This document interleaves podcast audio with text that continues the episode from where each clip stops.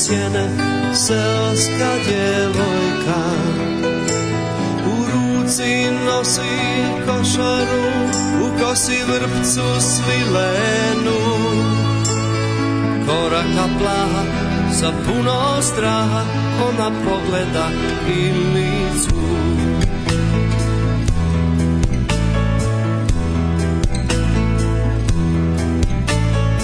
klupi i razmjesti voće i salatu zelenu i mirno očeka da gospođa neka reče joj dobar dan a onda stavlja utege na dušu gradu velikom i brzo diše dok mjeri više tiha seoska djevojka bi htjela jednom najavi toplu ruku na struku svom jer ona bi htjela jednom pod satom da stvori se kraljević njen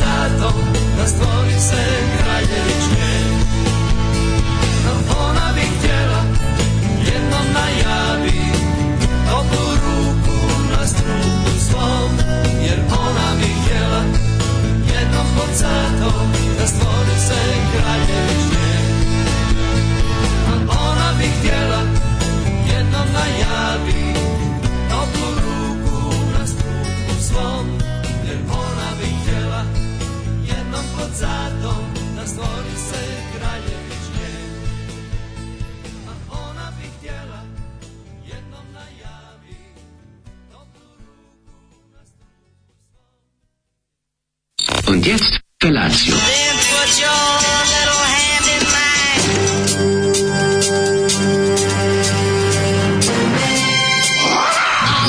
Grupa roznojenih mladića trči po studenom vazduhu pre zore. Alarm! A ima da kane, nema problema. Svakog radnog jutra, od 7 do 10. Hajde, Geri, jako se velda! Nemoj da prska, nemoj da prska!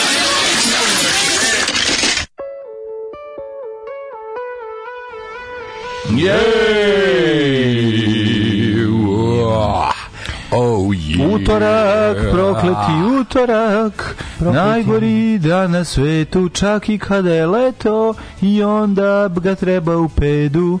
Mislim, takav je utorak, ali eto, mi ga i ovog jutra poveđujemo uz band drugi način, Zoli nam je pomogao, dao nam je snagi uz pesmu Seoska devojka da Prelep, ustanemo. Grupa drugi način za koje stanemo mlađe, na svoje noge. Za koju mlađe mislio da su uh, šta se mislio da, da, da, da su da, da ima veze sa Asimom Sarban. Da, a ne, ko, ne, ne, a ko je ovde? Ne, a, drugi način su Zagrepčani, Purgeri. Ček, nema Asima Sarvana, nije stigao da su. Kako se zvao da Asima Sarvana band A on je imao pa on je svirao Kako se s ljubom? to. A ima s vremena na vreme. vremena na vreme, izvinjavam se, da. Ima i ovi... Ne, isti izgledaju nas na, na, na, na, na ovotu ploče.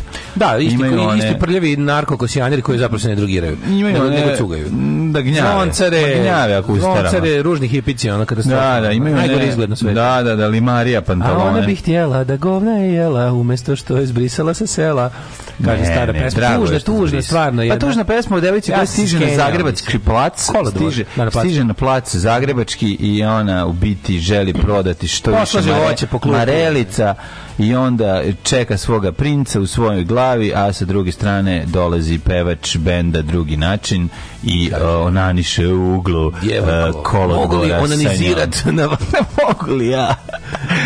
Ovaj, na vašu poštenost. Ona bi htjela da je, da je, da je toplu ruku kod struka a nećemo pitati od čega je topla. Topla luka struka, nećemo pitati šta je pevač.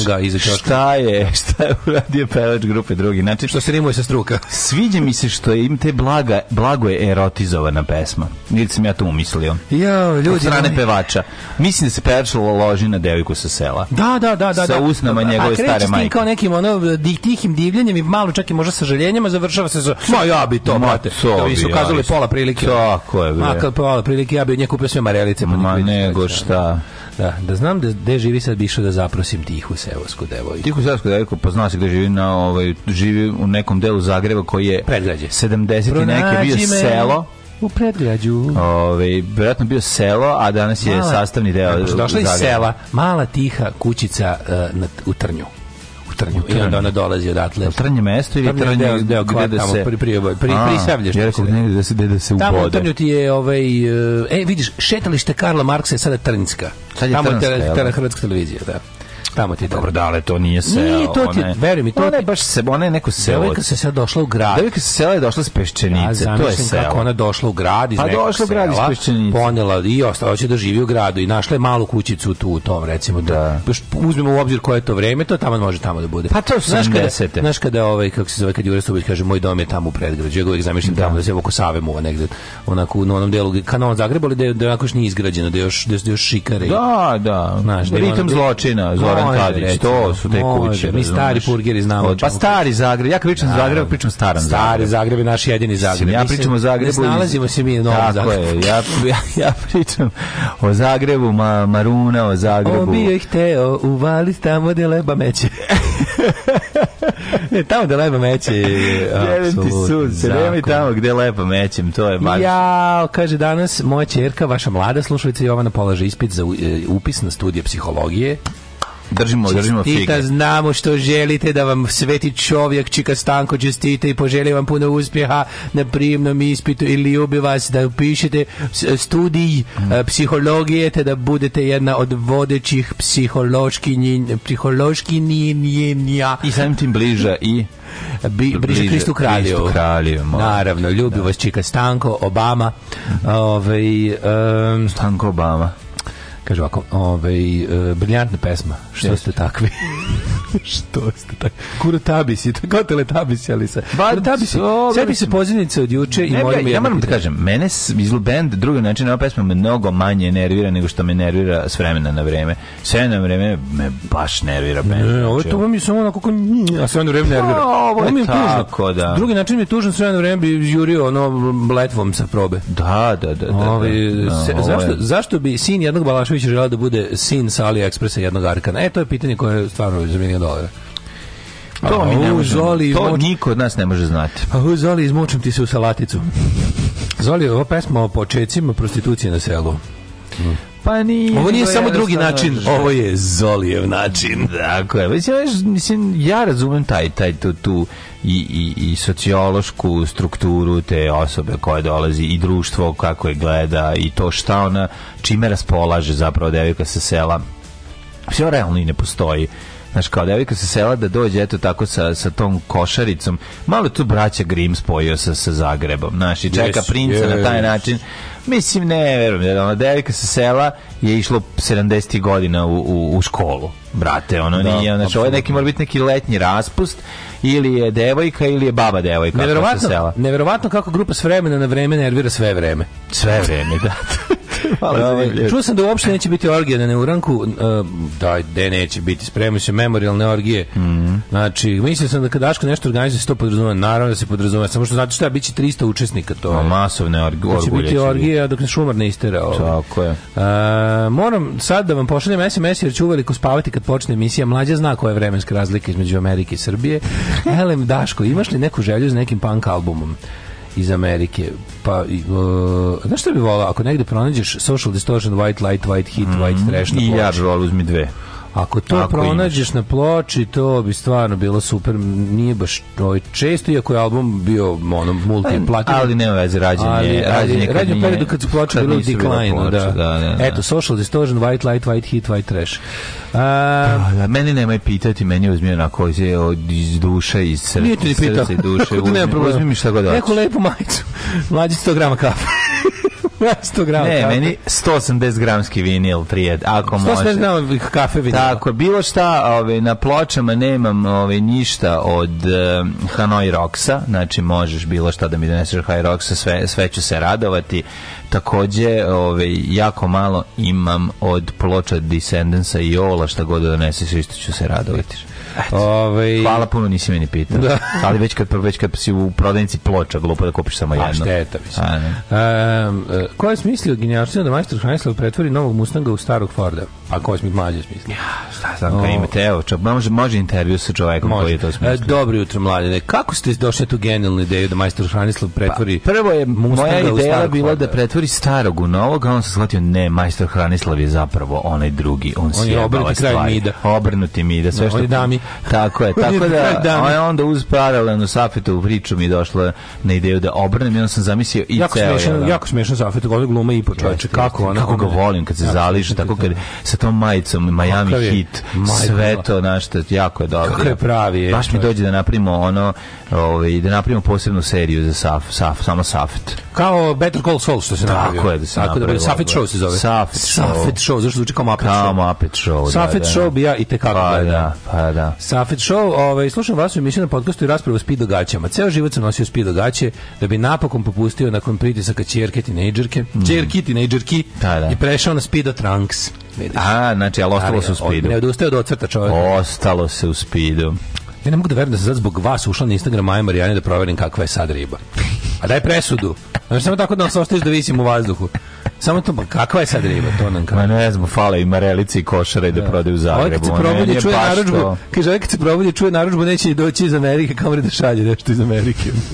Sinoć je odlično, mlađe je pa peo proveo ovaj, mm, ovaj kaže, sinoć, sinoć odličan obojeni program u gentrifikovanoj kineskoj četvrti u sklopu Evropske predstavice kulture.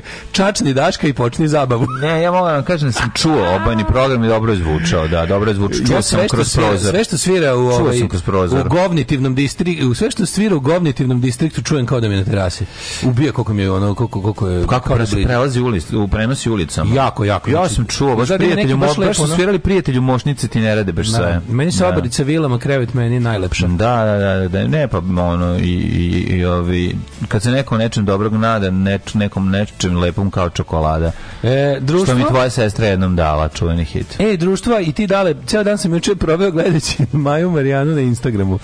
Uh, juče je priredbi u vrtiću dete tražilo da baju malu knindžu uh, eh, samo, a mama pored stoji ili neće gara da primi vakcinu. Vaspitačica rekla, uh, to vam puštati neću. Opa! Evo, Zoli, volim te devojka sa sela. Jedna poruka. Sećaš kad je bilo, se sećaš kad je bilo na radiju jedna poruka lične prirode, Sećaš te da, jedna da, lične prirode. Volim te.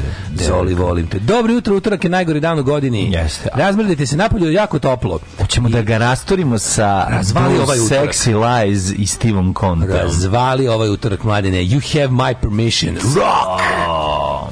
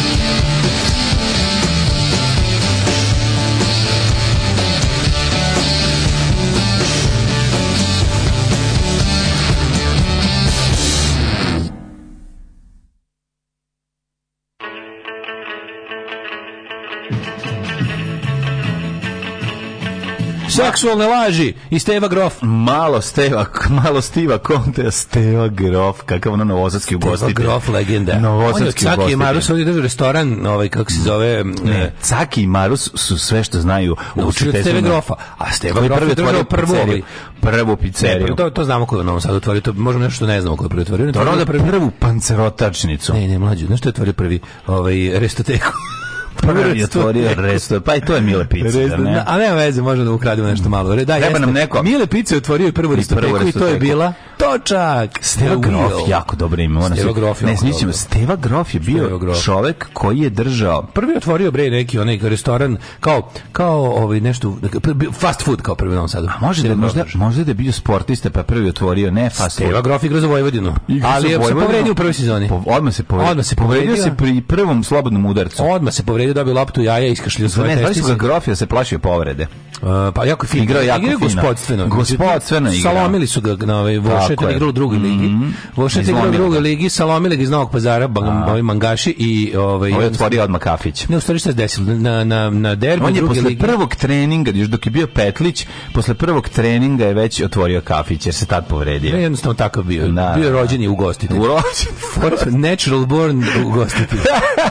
Koji je, to se videlo odmah. I on je jednostavno šta je bilo na prvoj kad je zaigrao za Vojvodinu na prvoj utakmici u, u ovaj za Vošu je zaigrao iz Dinamo iz Vinkovaca, došli su ovi mangaši i ludaci iz Vinkovaca Golubovica. Teva Grok Cibalija sad prvi prošvrcovao ovaj a kafe aparat sa dve baterije. Da. Znači kod njega nije bilo čega. Prvi espresso u Novom Sadu se kod su Caki i Marus naučili sve, sve svoje fore, sve. Fore, da. Prvi ima espresso automat, prvi. prvi. Prvi je mazao Karinu u ča, o čašu onom gostu koga nervira. Prvi jukebox. Prvi jukebox. Da, to Davno je zaboravljen. Jukebox je vjeri neku kutije držu da sviraju. jukebox. prvi jukebox davno zaboravljen. Da. Prvi kafe aparat ko zna gde je to je jedna, jedna, jedna, jedna, ljudska veličina. Bio je sjajan. Kažu da niko kod Steve Grofa, niko nikad nije bio u pravu u kafan, nikad mušterija nije bila u pravu. I, a svi su zato voljeli da dođu. Jer to je jedan poseban da odnos. Ja mislim odnos. da ako nastaviš da ga opišuješ, da će se izvesni gospodin Karvidić javiti da traži autorska prava da, da na Steve Grofa. da će izvesni ugostitelj iz Petrodina koji se preziva Karvidić javiti i tražiti pola ovaj, sred, ovih, kako se zove, tampijema za Stevo Grofa.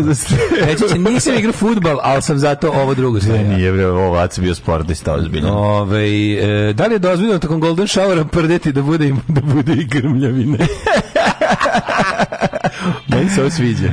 A kako je moguće dobro se isprazniti ako bar jedan grom ne udari? Mislim, to je jednostavno ide jedno sa drugim. Kaže Marija, izgleda sve što je bilo kretena iz Pupke Srpke došlo baš u Novi Sad. Vaspitačice da dobio beneficirani radni staž. Da, da. Ove... Deci da se pušta što je. Njihova da. realnost i naša One baš, realnost. Vaspitačice da su jedine ono, linija odbrane od toga da deca ne budu kreteni mm, ili da budu. Mislim, mm, ta da, vododelnica. To je jako teško. O, dajte na vaš utisak o gostovanju KK... KK... A, Kande Kođi baš što, kod Kesića. Moj utisak je da sam nisam da nisam gledao na svu sreću. Da, ja nisam gledao ono. Ja ne mogu. ja imam kod to neću da. da znam i to ne moram ja sve znam. Ma dobro, ja stvarno ne, ja prilično sam indiferentan u odnosu na bend ovaj Kanda Kođa i Nebojša. Mene to sve zaobišlo. A više bilo, ja sam, ja sam ih ja sam kasnije, ne, ne, ja sam ja kasnije. Sam baš kao 90 ka, krajem 90-ih sam ih jako mrzio. Pa oni su zvali sada sada tu taj Dragiša. O, ovaj- je. Zato što su dobre ribe to slušale, a ovaj moj bend nisu. Dobro, ne možeš repa, da. Ne moraš reći da ono. Moj bend. Pri, i ovaj, kako se zove? to kaže I moj I, band. Moj band. Obožavam. E, šestog, šestog. Mm, ima, ima nešto u tom bendu, mislim, ne možeš reći. Pa narkomanija. Ima nešto. Znam čime te gađamo. Ima narkomanija. Pa jevi, ima duhov, ne znam, duhovitosti. Otkud znam. Moje beogradske drugarice se ložile na tu smrdljivu alternativu pa koju sam najviše mrzeo. Ti znači, znači to su KKN, Darkwood Dub. Sam reći da ne voliš ni Darkwood Dub. Ne, malo reći ne volim. To, da. to, to, su, to su gnušanje i mržnja koje što kad se da, priča. Ja, stvarno, ja ne volim Darkwood Dub. Da, znači, sve to trojstvo mržnje su bili e, Kanda Koji Nebuša, Darkwood Dub i e, jako se mrzao Blockout kad sam da, da, da. Znači to su mi bile tri benda za kao kad mi se mm. pojavi alternativka i to voli, onako, onako dobra je, znaš kao. Da, da. A ja onda krenem. A ti kažem, a ja onda, a ja kažem dobro, neću jebati, ali gle sad ovo. A samo ti kažem šta je sranje od ovog benda. Sad ću ti kažem sve šta mrzim ono. I onda krenu. Dobro sad kad smo završili i kući, sam. Ja od svih bendova što si nabrao, najgori mi je bio Blockout. Nisam voleo, uf, kako mi je to a, bilo. A znaš šta meni bilo najomiljenije? Kad je Blockout gostao na Novom Sadu, pa kad, kad su miti smrdile noge.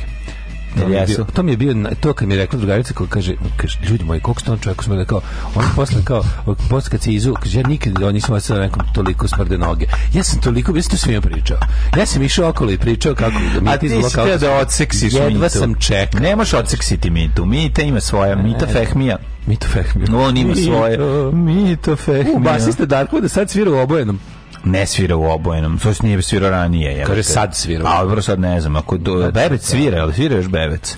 Uh, i, i ljubav ranije su sa obojni kad, kad go, kako ga ja znam u posljednjoj inkarnaciji kaže Voša nikad nije igrao u drugoj ligi Voša je igrao u drugoj ligi kad sam bio klinac kad uh, Voše kad sam Obojni program je bolji bend od svih tih bendova. Da, mislim, da, se da razumemo, da se razumemo, ako ćemo da pričamo o, o, o alternativi, ako ja, želite da ja, da stavite vas, Ja nisam lokal patriota i meni je to sve isto đubre. Ne, nije, kakvi. Mrzio sam nekad, mrzio, mrzio ja. Da, da, da, da. Imao sam krila, krila ustaška. mladog pankera. Mladi, pa, šta si? Da. What did you do yesterday in the war, pa Daddy? Pa se, ma, moj dan nije izgledao tako dobro kao tvoj, ali... Uh, bio, šta sve čovjek uglavnom zaliva. Uglavnom bila jedna veliko zalivanje i čitanje ovih ovaj, knjiga, vožnja do sela, kupovina prve lubenice koju nismo stigli da pojedemo. U, ja sam već jeo lubenicu za vikend u nedelju, već u kafiću Beza ima preslatke, mm. olađene, nakuglirane i jeftine. O, i nakuglirane. Nakuglirane, dobiš onako naš da, skup. Da, da, da, to je lepo. Skuped, but not skup. I mi nismo ovaj, još, nismo je načeli, kažem ti, nagrovali smo se mlečnih proizvoda pre spa uveče i onda je bilo, gledali smo, aj sutra ćemo lubenicu. Čitao sam neki tekst u jama, mm -hmm. u jami sam čitao neki tekst da su bukvalno, da, da uopšte da sa ovaj najgoći, mm. šta kažu ovi lekari? Kažu ne treba jesti ništa mlečno. To je kažu jednostavno to pa je da. Mislim, kako će, ako ste da. zdravo jedi. Mm. Znači, nema mleka, nema pavlake, nema ništa, ništa lepo. A juče sam baš razmišljao koji su najveći izumi čovečanstva i zaključio sam da sir. to klimoređi Pa da. I onda, a kao, ne, kao, jednostavno nas mlečni proizvodi, u, mi nemamo ništa u našem e, organizmu. jogurt možeš. Mi, Jedini, to nije zdravo. jogurt to je fermentis, mlađo. Fermentisan. Nema to veze što je fermentisan. I to je jogurt i ono kao, najmanje zlo, ali i dalje, ja, mi nemamo ništa u telu ko što bi nam služilo za varenje mlečnih proizvoda. To Tako. nije za nas.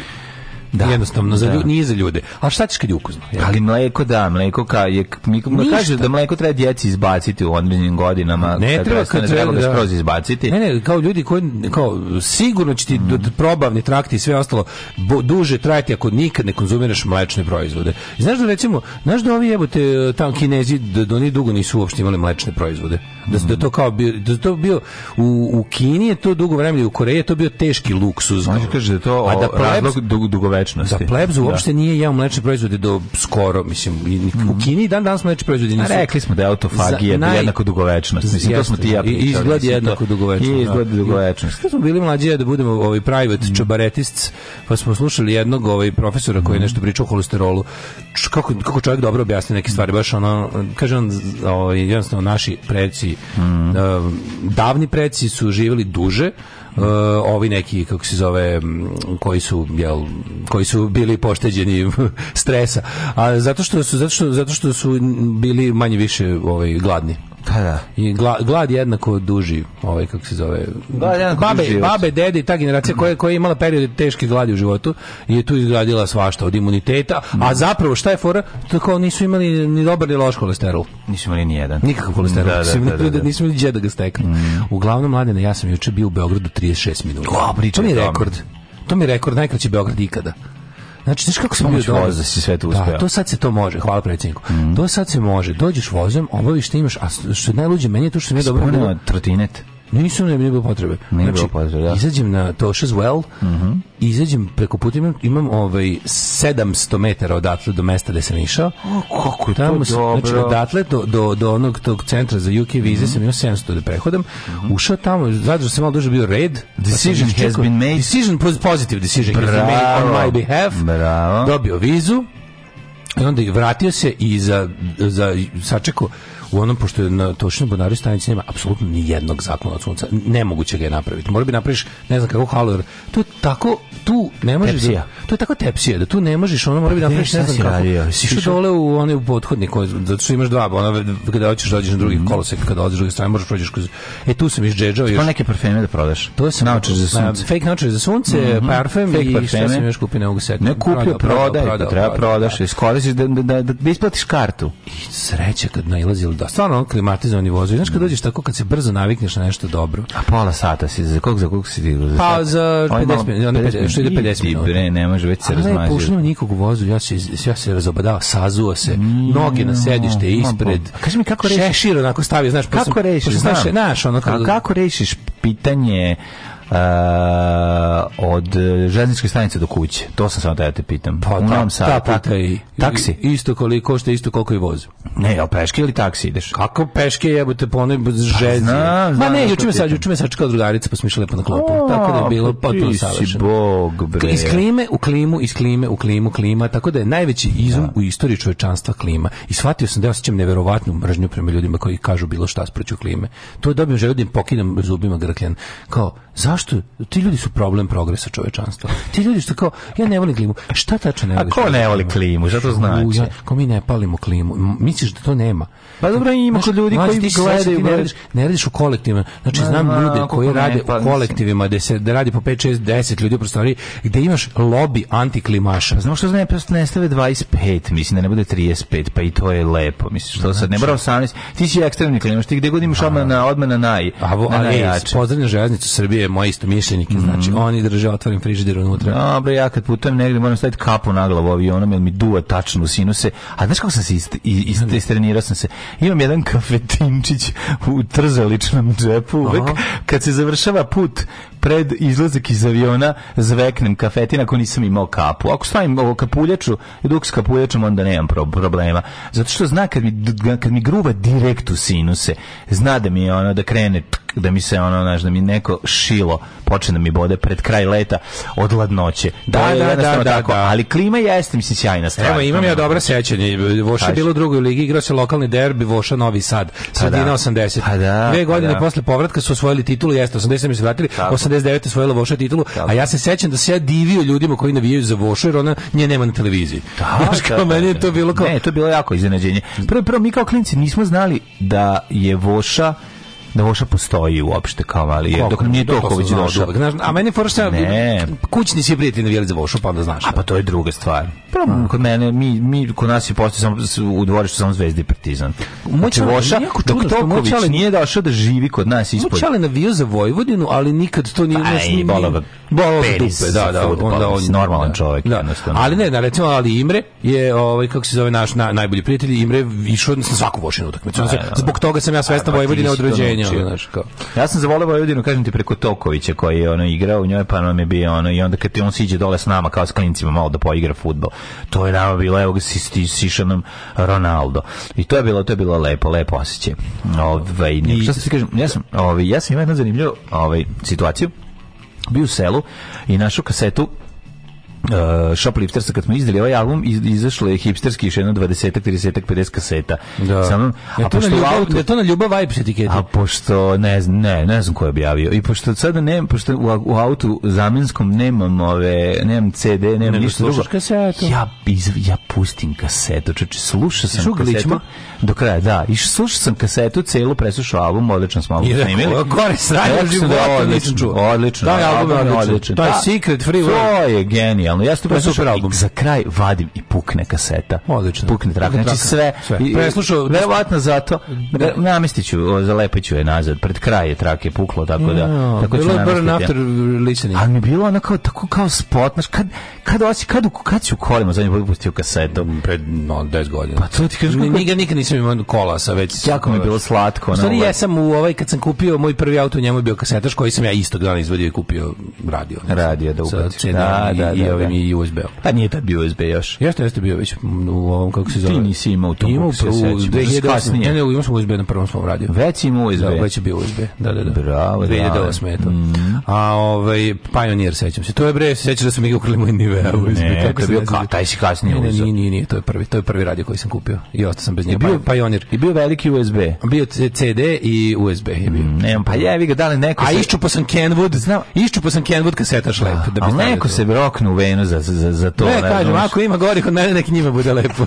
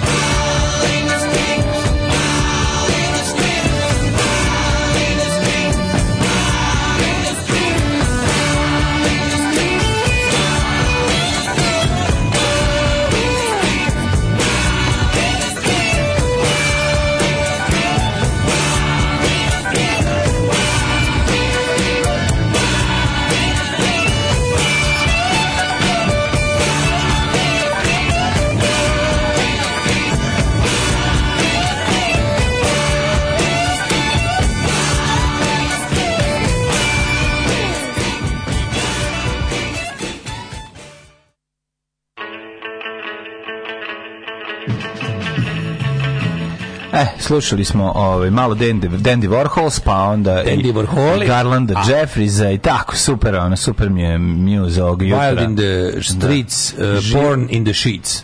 Život sa stricom. Ima jedna epizoda Beyond 2000 kad su bili u Nišu u industriji da pokaže elektronsku tablu za praćenje šahovskog meča. Ljudi, ta tabla sigurno stoji u nekom zapuštenom E magazinu. Kako bi to bilo dobro? E, verovali ne, drug Dujke je našao i danas će da nabavi imaćemo verovali ili ne za za titulu na meču za titulu sremskog prvaka ćemo imati onu magnetnu demonstracionu tablu za praćenje rezultata. Nego šta? Tako da voditelji meča meča veliki šahovski velemajstor Daško i mlađa će ovaj uz pomoć magnetne table i jednog sportskog radnika koji će da prenosi ono što se dešava na pravoj tabli Mora da magnet. komentarišu ovaj Mora magnet bre pa to je bez magneta nema dobro, nema mlađa. posla znači kad da čim, čim se magnet pojavi znaš da nema To je Fisher Spaski našeg našeg doba. Da, nego nego sam, ovaj, nego sam te nešto da kažem, dale, pa mi nismo skontali da je danas vidov dan. Gde god da krenem, prolaze popovi. Da, da, da, Za njima idu svi mladi lopovi. Da, ta, tu, ta, ta. Kroz slomljeni izlog patike vadim ponovo. Da, Ko da mi oddoda onaj laptop Lenovo Spavaš li mirno Tilburže? Naravno da ne, niko u Tilburgu nema spavanja za njih ove, ovih dana. Auto sa kastofonom ti je što god. E, nisam imao pojma da u Novom Sadu nema ni jedne ambasade, kako je to moguće. Ambasade su, dragi slušalče, samo u glavnim gradovima. Da, bit će ambasade u Novom Sadu. Sad se, moramo, da radimo na tome. Radi se Mi na radimo tome, na tome mislim. ceo život da u Novom Sadu bude ambasada. na primjer Srbije. ali ove ovaj kako, može ja, da. Holandije. ali no, ne, mi ćemo da ne, mi ćemo prijateljski odnose sa Republikom Srbijom. Moje znači, Meni je jako krivo što, da. što srpska javnost nema razumevanja za moje društvo srpsko vojvođanskog prijateljstva. Kako ne, pa to je za mene da stvarno cilj uh, e, yes. da, da ostvarim da dobre od najbolje moguće. Najbolje moje društvo srpsko vojvođanskog prijateljstva nikako da zaživi. Tako je, tako I toga sabotiraju ga i sa srpske strane. meni verovatno ne neće, neće prijateljski odnose. Neće prijateljske, znači samo žele prisjedinjenje.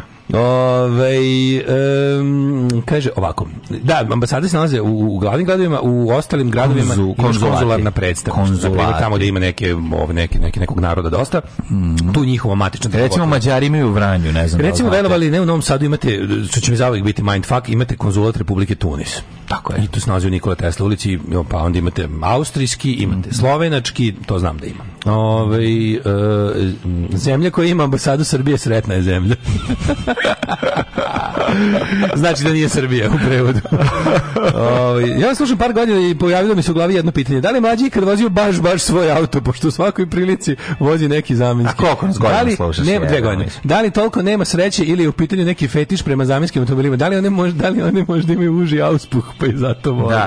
Ne, ako nas dve godine slušaš, majku mu nisam, nisam zamenski, imao sam svoje automobile. Tako da. volim zagovarače svega zdravog, samo da bi se živjelo duže. Vredi li žrtvovati bre nešto u čemu uživaš za radodavanje par godina života na kraju, kad si mator i svima svetaš? Ne, ja sam rekao šta sam ja čitao u jami, to vam je ovaj, mislim, jama je ugledni čas, to je ono što se kaže... Je Šta je to? Journal... A među jamom i med snom. Tako Journal of American Medical Association, to je kao uz, uz, uz Lancet i, i koji još beše? Pa i, i, Lancet i, i, i ruski doktor, verovatno. Doktor, da. verovatno, mislim, najbolje. Mislim su Lancet i jama najprestižniji medicinski, ono, da, da, što da. kaže, peer review. I, i lepota i zdravlje, verovatno, mislim, spadaju Dobri, svakako. Dobri, debeli srećni, dosta, debeli ovako, srećni, da. Ove, ovaj, dosta renomiran i renovinar. Kako renoviran. ne, ne. Za uspeh Voše, osim usual suspekta, trener igrača je dosta zaslužen i Ljubo Španjol, futbalski radnik iz Rijeke, dalje živ u 9. ili 10 decenije života i dalje voli Novi Sad. Kralj.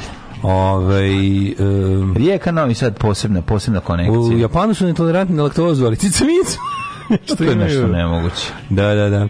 Ove, e, ja sam čula da jedino kišćelo mlijeko organizmu prija. Jedino to mm. prepozna kao nevodu za razliku od jogurta, dakle zdravo. Fermenti, fermentisane stvari prepoznaje. Znači nije tačno da jogurt nije dobar, ja mislim. Kaže, da ako treba da jedem slamu da bi duže živeo bez stvari koje volim, terajte se u kej. Jeste ljudi, ali i vidovdan je. Barem o vidovdanu možete. Vidovdanu se. Slamu jedite i srbujte I to je Evo, recimo važno. na Kneževoj trpezi nije bilo mlečni proizvoda. Samo se Gde nije bilo sira. Ma možda onog jade lakavog iz pa, izgleda kao da će on mene da jede ne. A nisu ne. jeli samo one batake, velike. Mi kad zamišljamo srednji vek mislimo samo mesina. Ja pladanj mesa zamišljam, za to za to velikaši imaju. Sirotinje ima ništa. Ma, jedu neki neki neki lažni muruz. Pa da, jedu šta da, da jeli? nešto. Pošto pa muruz još nije stigao Šta ono beše, šta se tad beše kod nas? Uh, A pa neki ječem žito, seme promenito. Ječem, tako je, ječam, da, onda da. pšenica stigla, jeste pšenica bila već. Kako nije? Bila je bila je Spelta se, verovali ne, Spelta bila Kako huge. Ona je nestala gotovo. Nije nestala. Pa nestala sad je anegdotalna, sad prilike pitaš neko. A de, nije čovjek, da su zasadi Spelta. Vreba, vreba, Spelta. A nema u Vojvodini, al kupiš u Nema, iz Nemačku Speltu. Kažem ti, Spelta je danas nepoznata većini, da, piti da. prosječnog čovjeka na ulici, al zna za Speltu. Spelta nekad bila pšenica, mislim, toliko bila popularna. Toliko bila, da. zašto zato što je odavde, razumeš? Da. Nije Spelta, već je pšenica. Aj najlepša ogriza. Izgledaš ja pečeni. Jesi jeo nekad? Ja sam spelt, spelt te griz. Znaš, ja grizl sam ja da. nešto, da. neka, neka testo, neka pecila od spelta. I dok, da, pa e, dobro, okej, okay, malo mi, mi, od spelte mi se prispava, ali da, okej. Okay. Ove, um, ajmo sada mi u prošlost, u prošlost. da vidimo kroz istoriju. Vidora. Da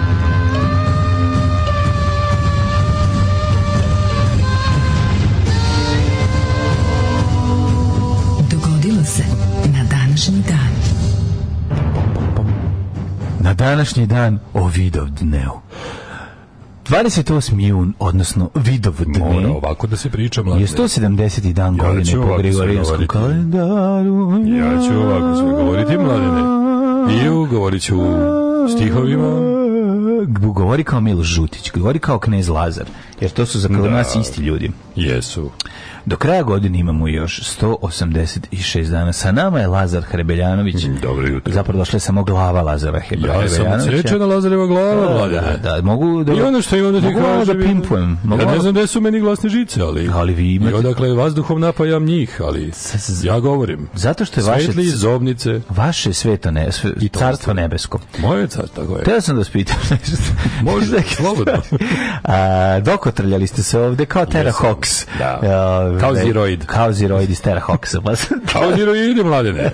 Ziroidi. Pa sam te da vas pitam. Jovana je prvog anđela. Kažete mi, molim vas, zašto ste vi na snimanju filma ovaj, Boj na Kokosovu jedini ne imali a konja, nego ste morali da jahate na Mercedesu 252? Da bi odgovorio na to pitanje, mladene. Moram ti reći da gospoda ne voli kada su svi jednaki. Gospod voli da se neko istakne, jer taj čovjek bliži je gospodu. Kroz šiber Mercedes 190D bio sam bliži carstvu nebeskom. Hvala puno. Ovaj još ćemo danas eh, se povezivati sa evo podići ću ja Lazara, stavit ću ga ovdje na krevet, u glavu. Na postolje. Evo stavićemo mu Lazaru glavu. Koja by the way svetli, znači moramo imati sunčane naočare. Koliko ubija prži. Ovaj i to baš onako hladno, hladnom, hladnom svetlošću.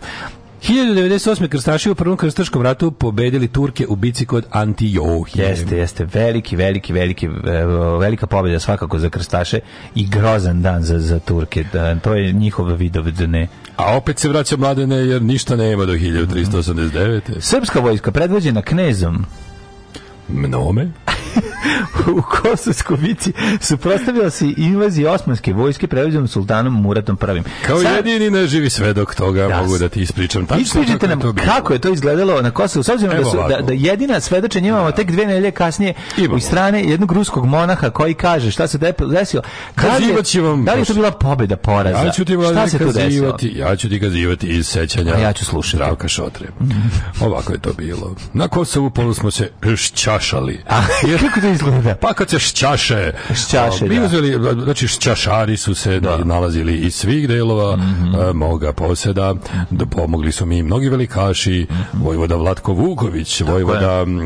Vojislav Šešelj, Vojvoda mhm. Mirko Jović iz Nove Pazove, Vojvoda Stepa iz Banata. 1A, 1A. 1A, naravno, naravno. otvorila mi matora sa licem aligatora. I rekla mi je, pa to Svi smo se šćašali kao, kao, što, kao što predanje Na kaže, zemlji Srbiji. Okupio danas je veliki vožd šotra Zdravko mm -hmm. i rekao je kad se šćašete ovde, ja udaram prvu klapu u jednu imamo, jedinu. Imamo 30 dana da naprimo, da ispalimo ovo nacionalističko smeće. Imamo 30 dana da inače Nikada, normalan narod u, nor, u, istoriji, u progres vratimo kveri predak. Nikada u istoriji filmske industrije neće biti toliko dobri glumaca i tako sranje tekst. To je znači, istina. To je, to je rekao Zdravko Šafak. Oni su iz, iz, uh, de, iz Udbe su doneli svitak sa tekstom, sa da. scenarijom, mi smo mm. razvili te jagnjače kože pergamente. Mm. I to je originalan svitak iz 1387. Originalni, naravno, pokazivanjima monaha Udbija, mm. koji je to napisao za potrebe govora. Rasprosavanje sukoba. Jeste, i proširivanje zone sukoba. Mi smo imali 30 dana, Turci su tradicionalno kasnili, Ljuba Tadić ih je predvodio, tako je, čovjek tako, već da, da, da, da da. I on je rekao... Ima neki recimo, problem s crevima, je tako, dok je dolazio? On je, go, on je tada govorio. Da. Ovako je rekao. Pođite da odglumimo na Kosovu polju. A ja samo da to rekao. Dobro, dobro. Opiš me za muda, Tadiću. Znamo se iz ranijih uloga. Tako je. I šta je to bilo? Kad se konačno, kao što rekao, šćaša smo, počela je silna bitka. Ja Jeste, velika bitka je bila. Stavio šlem sa rogovima, nemam pojma mm. odakle su to. Odakle rogovi to? A rogovi Zato što, su bili. A verovatno je supruga ove, ovaj, knjeginje Milice, verovatno ove, ovaj, Kažu malo da je, švrljava. Jel švrljava? Kažu da je mladine Zdravko Šotra bio rogonja tih dana. Od kuće je doneo rogove i natakario meni na glavu. Dobro, dobro izgleda knez Lazar sa rogovima. Uglavnom, mladi Branislav Lečić, nisam znao tad koliko je govno čoveka, mm -hmm. je bio bajazit. A, šta je sa Jakovom, o kome se nije, nije pričalo toliko? Jakov je nakon te uloge dobio niz manjih uloga, mm -hmm. a onda... zato što i ovdje se nije proslavio, a ja sam poživeo još koju godinu, ne bili bio dobar baron u boljem životu. Tako je. A, hvala sve puno. Sve treba znati boju na kosu. Samo da vas šutnem na krevet glavu. A, slobodno. Uš! Ajmo dalje. Eto, dobili ste alternativni kosovski boj, da. pa ako vam se nadam da se da vam se dopao. 1519. Karlo V. izabran za cara Svetog Rimskog mm-hmm, carstva. Mm -hmm, mm -hmm. 1629. mirom u Aleu okončana mm -hmm. pobuna protestanta u Francuskoj poznata po nazivu Hugenotski ratovi. Tako je. Hugenotic Wars. Ovaj, koji su imali vrhunac u Vartolomejskoj noći 1572. kada je po naređenju Katarina Medić ubijena preko 20.000 njihovih pristalica. Čuj boli sada grlo, pa pa da mi veruješ? Zato pa, si krivio. Da, pa, sam da bi pričao. Pa ne može, ne zna, to je. 1629. mirom u... Vi ne znate šta sam ja njemu nabijao usta da bi to zvučalo tako. Znači, to je strašno. to, je, šta sam ja morao da izvadim. Na uši sam govorio. Na šta sam morao da... 1635. Guadeloupe postao French colony. Počela Berestečka bitka između Poljaka i udrženih kozaka i krimskih Tatara. Svi protiv Poljaka. Svi su bili protiv Poljaka, da. 1881. potpisana tajna konvencija između Kneževine Srbije i Austrougarske monarhije, yes. čime je Srbija postala delimično zavisna od Austrougarske i ekonomskom i političkom smislu, ali od nje dobila međunarodno priznanje da postane kraljevina. To je mala zanimljivost. Stalno se u našoj istoriji priča kako je to bio pogrešan, ovaj Ja ne znam zašto bi to bio pogrešan. Pa je to ti kažem, ja mislim, ne mislim da je to bilo u jednom ni trenutku ovaj greška on međunarodne politike domaće Obrenovića, ali mislim da je bilo mudro. Svako vezivanje za zapad je da. mudro. Da. 1902. SAD od Francuske kupila je za 40 miliona dolara koncesiju za gradnju of the Panamic Channel. Mm -hmm. 1914. Sarajevski atentat na današnji dan. Dva. Pripadnik e, organizacije Mlada Bosna Gavrilo Princip u Sarajevo izvršio atentat na austrougarskog nadovojidu predstavljenog Franca Ferdinanda i greškom ubio i njegovu ženu Sofiju. Ljudi, pričajte mladim pokoljenjima. Gavrilo Princip nije bio srpski nacionalista. Tako Gavrilo je. Princip je bio jugosloven. Tako. Borio se za uh, izbavljenje južnoslovenskih zemalja iz austrougarske monarhije. Tako Borio je. se za stvaranje stvaranje države južnih Slovena, bio je levičar, bio je politički gotovo anarhist. Anarhist, da, tako. Želeo je njive plodne vinograde blagorane, želeo je e, da čovek ne vlada nad čovekom, a pošto to je LD bilo previše utopijski, onda je želeo sledeću najbolju stvar, a to je bar slobodu za kako se zove za južne Slovene da ih izbavi što iz e, osmanlijskog, što iz austrougarskog robstva da naprave svoju državu ove, ovaj, i nije bio srpski nacionalista kao što e, kreteni su e, mladim pokolenjem utuvili u glavu. Bio je zapravo nešto najsuprotnije mm. tome. E, svi pripadnici mlade Bosne su bili bukvalno... Rodoljubi. Bili su rodoljubi, ali su bili zaista o, Srbi, Hrvati, bosanski muslimani, jednostavno bili su bili su svi predstavnici svih naroda koji, su, koji su živjeli u Bosni, a mlada Bosna je bila ovaj, e, kako da kažem, u jednom smislu nadahnuta i organizacijom mladih Turaka koji su isto u svoje vrijeme bili nešto progresivno za, za, ovaj, za svoju zemlju. A, 1919. potpisan je versijski mirovni ugovor između Nemačke i saveznika kojim je formalno završen Prvi svetski rat. Gotovo kraj. Pa je onda 2021. usvojen Vidovdanski ustav, u kojem kraljevina SHS proglašena ustavnom, parlamentarnom i naslednom monarhijom sa dinastijom Karađorđevića. Otkriven je spomenik oslobodilcima od Niša 37. 42. počela bitka za Stalingrad, najkrvavi okršaj u ljudskoj istoriji, jedan od prekretnica drugog svetskog rata. Radi se o tome da su... Ovaj... Hitler zamislio pobedu, što bi rekao Radomir Belačević.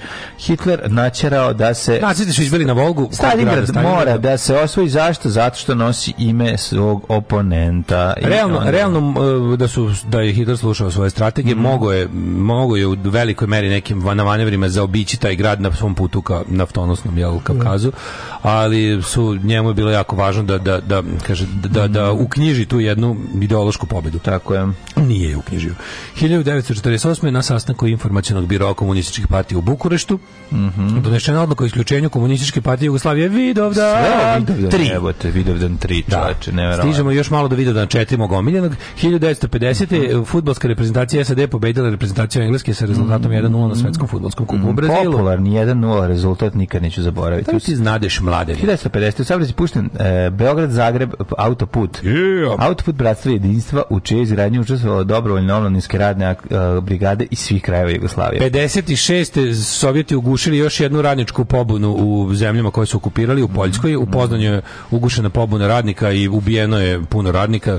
Mm Znači, mm. ovaj, Crvena armija je delovala protiv poljskih radnika. Pa da. Uh, 1900, I u Mađarskoj iste godine. To je bilo iste godine. Da, to je, mm. zato što su posle Staljinove smrti, mm. posle Staljinove smrti mnogi zemlje su bile priliku da pobegnu iz ruskog zagrlja, međutim, ruski zagrlje je bio prejak i tenkova je bilo previše. 1960. osnovan je univerzitet u Novom Sadu. Gaudeamus sigiturium donus saumus penisanus desodorans na, na, na. 1960 1989. Stonewallska revolucija. Aj, e, vidite, domine. još jedan značajan vidovdan svetski. Mm -hmm. Ove, ovaj, Stonewall in uh, jedna, mm -hmm. jedna, ove, ovaj, jedan klub, zapravo kao pub kafana i ove, ovaj, disco bar, da. može se kaže disco bar, molim te. Mm -hmm. Še, je, može restoteka. restoteka. Da. 69. poznato okupljalište homoseksualaca, lezbejki mm -hmm. E, uh, i transrodnih osoba u Njujorku postaje poprište prve militantne pobune uh, ovih osoba protiv e, maltretmana policije u prvom redu, jer tamo to to, je, bio, to su bili gej barovi gde je bukvalno bio hobi ono, raz, desničarskim, a ne znam kakvi mm -hmm. drugi mhm. postoje policajcima, da se življavaju nad ovaj, posetiocima. A, posetiocima mm -hmm. i mhm. jednog dana je jedan rekao enough is enough i počela je, počeli su neredi koji su trajali nekoliko dana, ozbiljni neredi u kojima je bilo velikog uništavanja i povređivanja i policajaca i demonstranata e, homoseksualcima su se pridružili lažni, ra, ra, lažni razni ovaj progresivni mm -hmm. pojedinci organizacije tako da ta Stonewallska revolucija početak onog što se naziva pokret e, ponosa i zbog toga se mesec jun obeležava u svetu kao mesec ponosa, a i dan, ovaj Pride Day, zapravo početak ima. Da ne mislite da se da se ove ovaj stvari ovaj prava i, i bilo kakav progres os, osvajaju peticijama i i ovaj čekanjem da da ljudima dođe dupeta da u glavu, potrebno je boriti se. Tako da danas ono što vidite kao gay pride kao jednu ovaj e, mirnu, zabavnu e, šarenu i onako potpuno kako da kažem jedno onako ono kako bih rekao mirno naj, najvažnije ono i, i karnevalsku stvar sve je počelo kao kao kao ovaj pobuna a i dobar je band Stonewall iz Beograda. Dobar Stonewall band. Tako da. e, Šešeljka ostrava posle 160 godina stekla nezavisnost od Velike Britanije. 66. To je, ok, 81. u eksploziji bombe u sedištu Islamske republikanske partije pogledano 74 osobe, među njima i lider partije predsjednik Vrhovnog suda Irana Hoseini Behešti. Da. Mm -hmm. uh, još jedan Vidovdan 89. To, mislim zapravo, to je, to je repriza Vidovdana 1 da, u da, svojoj da, farsa verziji. Mm -hmm. U svojoj farsa verziji mhm. na Gazimestanu je obeležena 600. godišnjica Kosovske bitke. Uh, to je bio e, centralni događaj za, u, za učvršćenje vlasti Slobodana Miloševića koje su se tu definitivno postavio kao neprikosnoveni lider Srba u njihovom pohodu ka dnu. Tako gde je. Ljudi, gde je srpskom narodu ponudio ovaj e, krv e, i suze bez noje, jer rada mhm. nije bila tih godina, bilo je samo ratovanje Tako da e, proglasio je proglasio je e, dan pre toga zajam za privredni preporod Srbije, kreteni kreteni su pohrlili da mu daju da, novac, finansiraju rat, finansiraju njegove ratove i oružanu privatizaciju. Na Kosovu polju je obećao ljudima da će da ratuju, masa mu je oduševljeno klicala. Mm. Evo 30 godina kasnije smo u istom kurcu i ne mrdamo odatle. Jednostavno ovaj e, blato u kojem smo upali 40 godina živo. Kako koliko prošlo tada? A, pa, prošlo je 32 godine. 33. 33 godine a 89. 2022. ti je 33 godine našeg tumaranja kroz pustinju u kojoj je neko israo hektolitre proliva. Mm -hmm. e, pa onda ovako imamo... Vidovdanski sabor. Da A, još jedan Vidovdan. Vidovdanski mm -hmm. sabor, e, demokratski pokret Srbije ili ti Depos, mm -hmm. ili ti Debos su organizovali čuveni Vidovdanski sabor ispred e, Skupštine Jugoslavije tada. Mhm. Su napre, postavili su kampove Vuk Drašković, Dragoljub Mićunović, ne, tu nije bila Vesna Pešić. A, e, nije, mislim da, si, da, da, li im se tu bio pridružio i građanski sabor? Moguće da jeste, malo mi tu sećanje mi tu izdaje, mhm. ali ovaj, sećam sećam se toga da su tu bili još tada, joj, mislim da je tad još bio živi Pekić, da su tu bili još neki ti da Bečković i slično, pokušaj da se jel 92. Slobodan Milošević razumi da ono kao to je bilo neko interesantno da uglavnom isto srpsko nacionalistički pokret koji je o, ovaj, koji je bar bio u fazonu nemojte da ratujemo ha, pa, imam da. postići ćemo mi srpski nacionalizam mirnim sredstvima 97. kubanski i argentinski forenzičari našli šest kostora u blizini bolivijskog grada uglavnom prvo da su u Čabaru dosedili su neko vreme pa se razišli Valgrand e, kasnije utvrđeno počinjivanje i smo prosmetili znači na cijel legendarnog vođe Gerile Ernesta Che Guevara. Da, 97. Da, Tyson i Evander Holyfield su ovaj se no, tukli za titulu svetskog prvenstva svetskog braku teške kategorije pa mu je odginuo. Jel to 97 bilo? Da, 97 da, Mike da, Tyson da. odgrizao komad uveta i Vander Holyfield. Mm -hmm. Moj omiljeni video na video na 2001 kada je bivši predsjednik Jugoslavije Slobodan Milošević izručen međunarodnom sudu za ratne zločine u Hagu. Vidovdan 4, Vidovdan 4, pa može se kaže Vidovdan 5, ako da. računamo i Gazimestan. Jeste, ali ovaj balkanski kasapin čovjek koji nam je upropastio živote, nije da mu nismo ovaj dali blanko podršku za to. Je je otperjen na mesto gde je trebalo da završi i ovaj, svaka čast onima koji su tu odluku doneli i sproveli. 2019. prilikom zahvaljuju. Otvoren aerodrom Morava kod Kraljeva. Jako me zanima šta se tamo dešava. Tamo se ništa ne dešava. Znači to je jednostavni idiotizam koji služi kao i ovo sve otvaranje ovog sledećeg aerodroma što je otvorio kod Kruševca. Ne. Imamo još jedan mali aerodrom za, za kao za male avione, ali će biti osposobljeni za mislim Vučić je otvorio dva aerodroma u svojoj karijeri, ove ovaj, nova koji su bukvalno ničemu ne služe. Znači čak i Niški služi, mislim, pa, Prvo Niški nije otvorio da, Vučić, da, drugo da, to je da. pravi aerodrom aerodrom. Pravi, Ostalo su za jebancije, kažem ti, ovim, taj kod Kraljeva i ovaj, ja ne znam, mislim da li ovaj, da li ovaj dobio onu takozvanu dezignaciju, ono, ona tri slova što, što predstavljaju kod za međunarodni, ovaj, kako se zove, aerodrom. Ovaj u Kraljevu valjda čak i ima, ali tamo, mislim, Kaže ljudi da tamo napravim da Željko Mitrović može slediti da tamo sreću pri, privatni avioni ruskih bandita i slično, ono kao da zato služi. Ono. Mhm ili bolje ovo ili seriju gledati. Alarm sa mlađom i Daškom.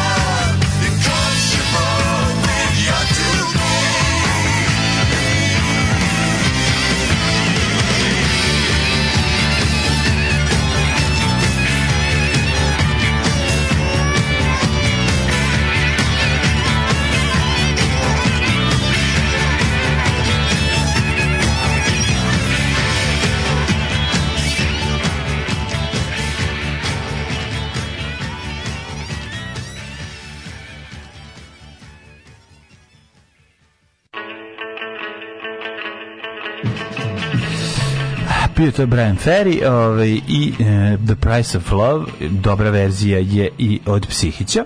Toplo e, preporučam. Cijena ljubav, ljubav. Mm, za cijenu ljubav. Cijena ljubave, ne znam, mm. ste mhm. čitali tu. Ovaj cijena ljubave. Od desktopa Stefana Lazarevića, cijena ljubave. Mm -hmm. Nisu svi ljudi gladovali jer nisu imali, neki su bili štekare poput moje babe. Čekaj, babe koje? Uh, Kaže, ako je bilo pekmeza u kući, nije se kupovao sladoled uz izgovor, eto sad ćemo sve kroz guzicu da proteramo. Ako ima pekmeza, nema, pekmeza, nema sladoleda. Da, da, da, da, da, da. Tako je, tako je se Dobro, pohvalim to... da nikad nisam gledao boj na Kosovu, prekinje Daško, upišeću se. Uh, nije Karlo V, nego Vojko V se kaže, ova glava mnogo priča cecite. Već je odsečena, o tome se radi. Ostavili ste bogugodni boj na kosmetu i blago izvolite pobediti. A ne ko Srbi, ko Srbi na Marici. I see what you did on a sites day. Mm -hmm. o, Srbi na Marici se napio. Da, pa kako, Turci a kako ljudi zmišlja kako kad si završio, ti si uzakao tu glavu i degažirao. E, kao bio to naš gost. Pa to je bio kraj. Da. Ove, ovaj, um, Kako se zove? Kako se zove Android Patriota? robo ljudi no, obo ljudi. um, da li razumete kako slobodački deluje dok kroz vjeterne kvozim bajci kliberim se na Lazarov prepušteni glas? A, znam. To sam um zvuk kao, samo da mi niko ne čuje što curi slušalica. Da, da, joj, zapalili bi nas. Samo da mi niko ne čuje što curi. Ovaj, nisu mi upali u to blato, mi smo razdragano uskočili u njega. Jesmo, to stalno mi pričamo. Nemojte da, da, da mislite da mi to ne govorimo. Znači, ni, ne pričamo mi o nikakvoj usudu, nikakvom sudbini i glupostima. Sami smo sebi iskopali to i iskočili na to u pravu u Sloveniji je parada ponosa krenula ko pobuna jer je neki vlasnik kafića nekom slovenačkom pesniku zabranio da uđe jer je gej, pa su ljudi masovno petkom dolazili, naručivali kiselu vodu i bili geji. I sedeli i ove, ovaj, kako se zove, i i i, i cirkali tu jednu flašicu. A, uzmu samo jednu i drndaju. To da znači, da, slovenački fajt. Jako, da, je slovenski fajt. Odličan dobar fazon. Ništa ne izludi ono gazdu, nego kad dođe čovjek uzme samo kiselu vodu i sedi 4 sata. To baš nervira. Ono, dobro kaže, gledao par spotova od Moscow Death Brigade, hvala na preporuci. Najviše me nervira kod filma Bojna Kosova što su svi obučeni kao da je februara, ne cikleta. Ja da sam morao da nosim grubo sukno predao bi se osmanlijama. Ne, ne, ne, to snimanje toga, znači šta je nama Voje Bravić ispričao vezano za snimanje tog filma, to je to je prvo vreme koliko se on On malo poginuo na snimanju filma, ono, pao, ob, noga mu ostala, skoro da mu nisu amputirali, pao s konja. Ona scena kada Ovi, ovaj, izbacili su scenu koju su snimali ceo dan, a to je da Branko Cveć, obučen kao hogar strašni, prelazi 40.000 stepenica da dođe do gore i izjevi Puf pant. Ste, eh, da kneže, po, kneže dolazi to, ne znam šta, i svaki put kada on snimi tu celu scenu, kad se pojavi, kad Branko Slavko Cvejić kad se pojavi sa rogovima na glavi, svi počnu da se smeju. Da, I, I na kraju su, vraćali su ih ga ono 25 puta da se penju s te stepenice na kraju Šotra rekao kao, ok, ne, prekidamo, ne može. Nije nego niko nije mogao da se ne smeje. Da. Kaže ono Gutović i ovaj grcaju od smeha svaki put, zato što glava polako počne da izvira, izvira na stepenicama i ti prvo vidiš njegovu čontaru sa tim velikim rogovima. Ne, ne, I svi se smeju, ono, pa zato što to nikada u istoriji ja mislim neće tolika gomila dobrih glumaca i kvalitetnih glumiti u takvom sranju. Znači to je jednostavno, to je nacionalizam. Ima Daško juče dve odlične provedbe, pa, desi se i meni. Prva je nas koji podržavamo mlađu protiv Maje Marijane nazvao erotskim intelektualcima, a druga je bila zilatska renesansa za pozivnicu Balaševića. Obe su savršene, molim vas da mi se upiše kao erotski intelektualac. ko voli bude Harrison i Kevin Hart obavezno da pogleda Man from Toronto. E, upisujem, čekaj. Ja imam Man svoj mali četan. Okay. Okay. Chitape. Manfrom. Leiden. Are you ready da ti pročitam ko je rođena današnji dan kakvi velikaši? Naravno da jesam. Na da današnji dan. On today's day. On today's day. 1476. rođen je Pavao, četvrti papa. Pavao papa, 1491. Rođen Henry Osmi Tudor, 1577. Peter Paul Rubens, flamanski slikar, 1712. Rođen je Jacques Rousseau, filozof i pisac. Švajcarski čovek je to mi je francuski. Tisuću, o, švajcarsko-francuski filozof. A, mora da, e, mora Ako da ćemo beži. sada da budemo pri, e, pravo. Ja, e, mora da beži. 1860, ajde, dosta. Luigi Pirandello, italijanski pisac. Čekaj, pre toga smo imali rođen Heinrich Gottlieb Kuhn, mm -hmm. rođen Anton Filip Reklam. Reklam. Reklam. On je prvi, prvi. ovaj, napravio uh, poruku u kojoj za pare preporučuje nešto. E, also known as reklama. Reklam. Luigi Pirandello. To sam rekao. To da se rekao 1873. Alexis Carrel. Mm -hmm. Francuski biolog. te biolog, dobitnik Nobelove Šta je, šta je Carrelovo najvažnije zbog Nobelove nagrade znamo njegovo. Šta je on? On je, na primjer, hirurg i biolog. On je otkrio da ljudi, kad ih jednom isečeš i ne, ne zašiš, umru. Jeste, bravo, bravo. Nije mogao. Tada crkva mu nije dozvoljavala još da ih secira. Bilo je jako teško. 83. Pierre Laval, najveći đubre, najveći izdajnik u istoriji francuskog mm. naroda. Pierre Laval, uh, predsjednik Viševske vlade, zapravo on je, on je zapravo bio taj koji je um, Peten je bio deda deda koji je ovaj već bio jako mator, bio više ovako budala koji je poslužio da bude figura te mm. uh, simbol te francuske izdaje, a Pierre Laval zapravo bio kao predsjednik vlade uh, e, okupirane Francuske je bio zapravo Nedić. Je bio taj koji je donosio te odluke, taj govnar koji je nalazio Nemcima uvek šta god bi Nemci tražili, ispunjavao te kvote i za radnom snagom i sprovodio antisemitske odluke. Jednostavno, on, Pierre Laval je, je, je višivska Francuska. Yes. 1914. Dušan Petrović Šanen, učesnik narodno borbe, tu dušan politički radnik e, Nešuje. Sr Srbiji, Sr junak Socijalističkog rada i narodni heroj. Pavle Holotkov, ruski operski pjevač, mm -hmm. Narasimha Rao, predsjednik vlade Indije. Ej, Dušan Kanazir, Kanazir 1921. Molekularni biolog. Kanazir je bio, boga mi, veći deo mog života predsjednik Sanova, dok yes. ne zamenio ovaj, yes. kako se zove sadašnji ovaj. To je ime koje ja znam, predsjednik Sanova od 81. do 94. Mm Znači naš. To je moj predsjednik Sanova. Da. Hiljadu, Zato Dušan Kanazir, predsjednik Lupetom, nije moj predsjednik Sanova. Predsjednik Sanova u periodu najvećeg obeščašćenja da, Sanova. Tako je. 1926. Rođen je najduhovitiji čovek svih vremena, Mel, Mel Brooks. Znači, nema, ne postoji. Mel Brooks, američki glumac, reditelj, scenarista i producent, čovjek koji je, o kome se zahvaljujem na, na, na sate i sat, na satima i satima predivnog preduhovitog filmskog programa koji smo imali na svih vremena su za mene kod mene su najdva duhovitija mhm. čovjeka mm. svih vremena mrtva trka između Dubravka Matakovića i Luja Sikeja Dubravko Matković strašno i Luis Kay u pravu. Ja mislim da su dva najduhovitija čoveka koji si ikad Pa dobro, da pričamo o različitim epohama. Mislim, oni su ipak značajno mlađi od ovog čoveka. Ovi ovaj čovjek je, uh, ovaj čovjek je bukvalno patentirao znači stavio pozorište u film i, i, i napravio prve ono on je u stvari otac absurdne komedije Mel Brooks uz pa ja nije apsurdno pa on je on, on je preneo slapstick u novu epohu pa dobro on je preneo taj on je on je preneo taj on, mislim Mel Brooks je strašno staromodan ovaj pa, i on je poz, pa dobro i on je ovaj ali je uspeo ne hoću kažem uspeo je da staromodan je uspeo da u novom da, Hollywoodu uspeo da, u da- novom Hollywoodu prenese te staromodne načine snimanja komedije i da, da napravi to funkcioniše napravi fantastičnu da komediju to funkcioniše znači to je jednostavno to što je on radio to je krajnje onako svi su bili u fazonu nemoguće on je rekao pa da ali kao ljudi i dalje, ispravno je zaključio da se ljudi i dalje smeju na, na na, na, bazično smešne stvari. No, one kao, prdež da će da da je smešno kad neko prde smešno. Smešno kad neko jede pasulj i prde isto vreme. Jeste, da, on je ja on je bio zvuk da ono umreti, ono kao klinac. Veliki sad... borac protiv intelektualne komedije. Mel Brooks. Šta je intelektualna Pa kao ništa, komedija. nema nema tu nekih kao sad bog zna kakvih ono e, mudrosti. Oh kako ovo lepo rečeno. Nema to kod Mel Brooksa. Kod njega je uglavnom ono imaš jebiga imaš geg, imaš pad, imaš e, šalu na prvu loptu, igre rečima i te stvari. Razumeš, nema ono nema plan, nema.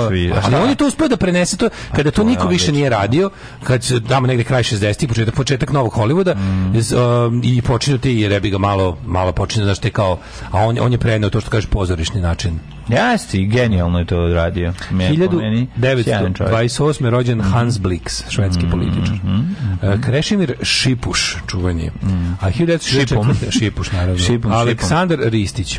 Da. Slobodan Inić, publicist, jedan od osnivača demokratske stranke, da, 46. Meni, ako bi trebalo da biram od novih najduhovitiji, mislim da je Fred Armisen jedan od najduhovitijih, za koga bi mogao da kažem da je ono kao, stvarno da mislim da ne postoji ali to je, je, to je intelektualni humor, ja bih pa jeste. To je, pravi, to je humor za koji treba gomila predznanje. Ali je, to je humor za pametne ljude koji su upućeni je, u popularnu kulturu i istoriju. Mislim, to, to ti baš ali, naj, to ti najsuprotnije moguće Mel Brooks. Pa nije najsuprotnije pa pa i Mel Brooks je negovao.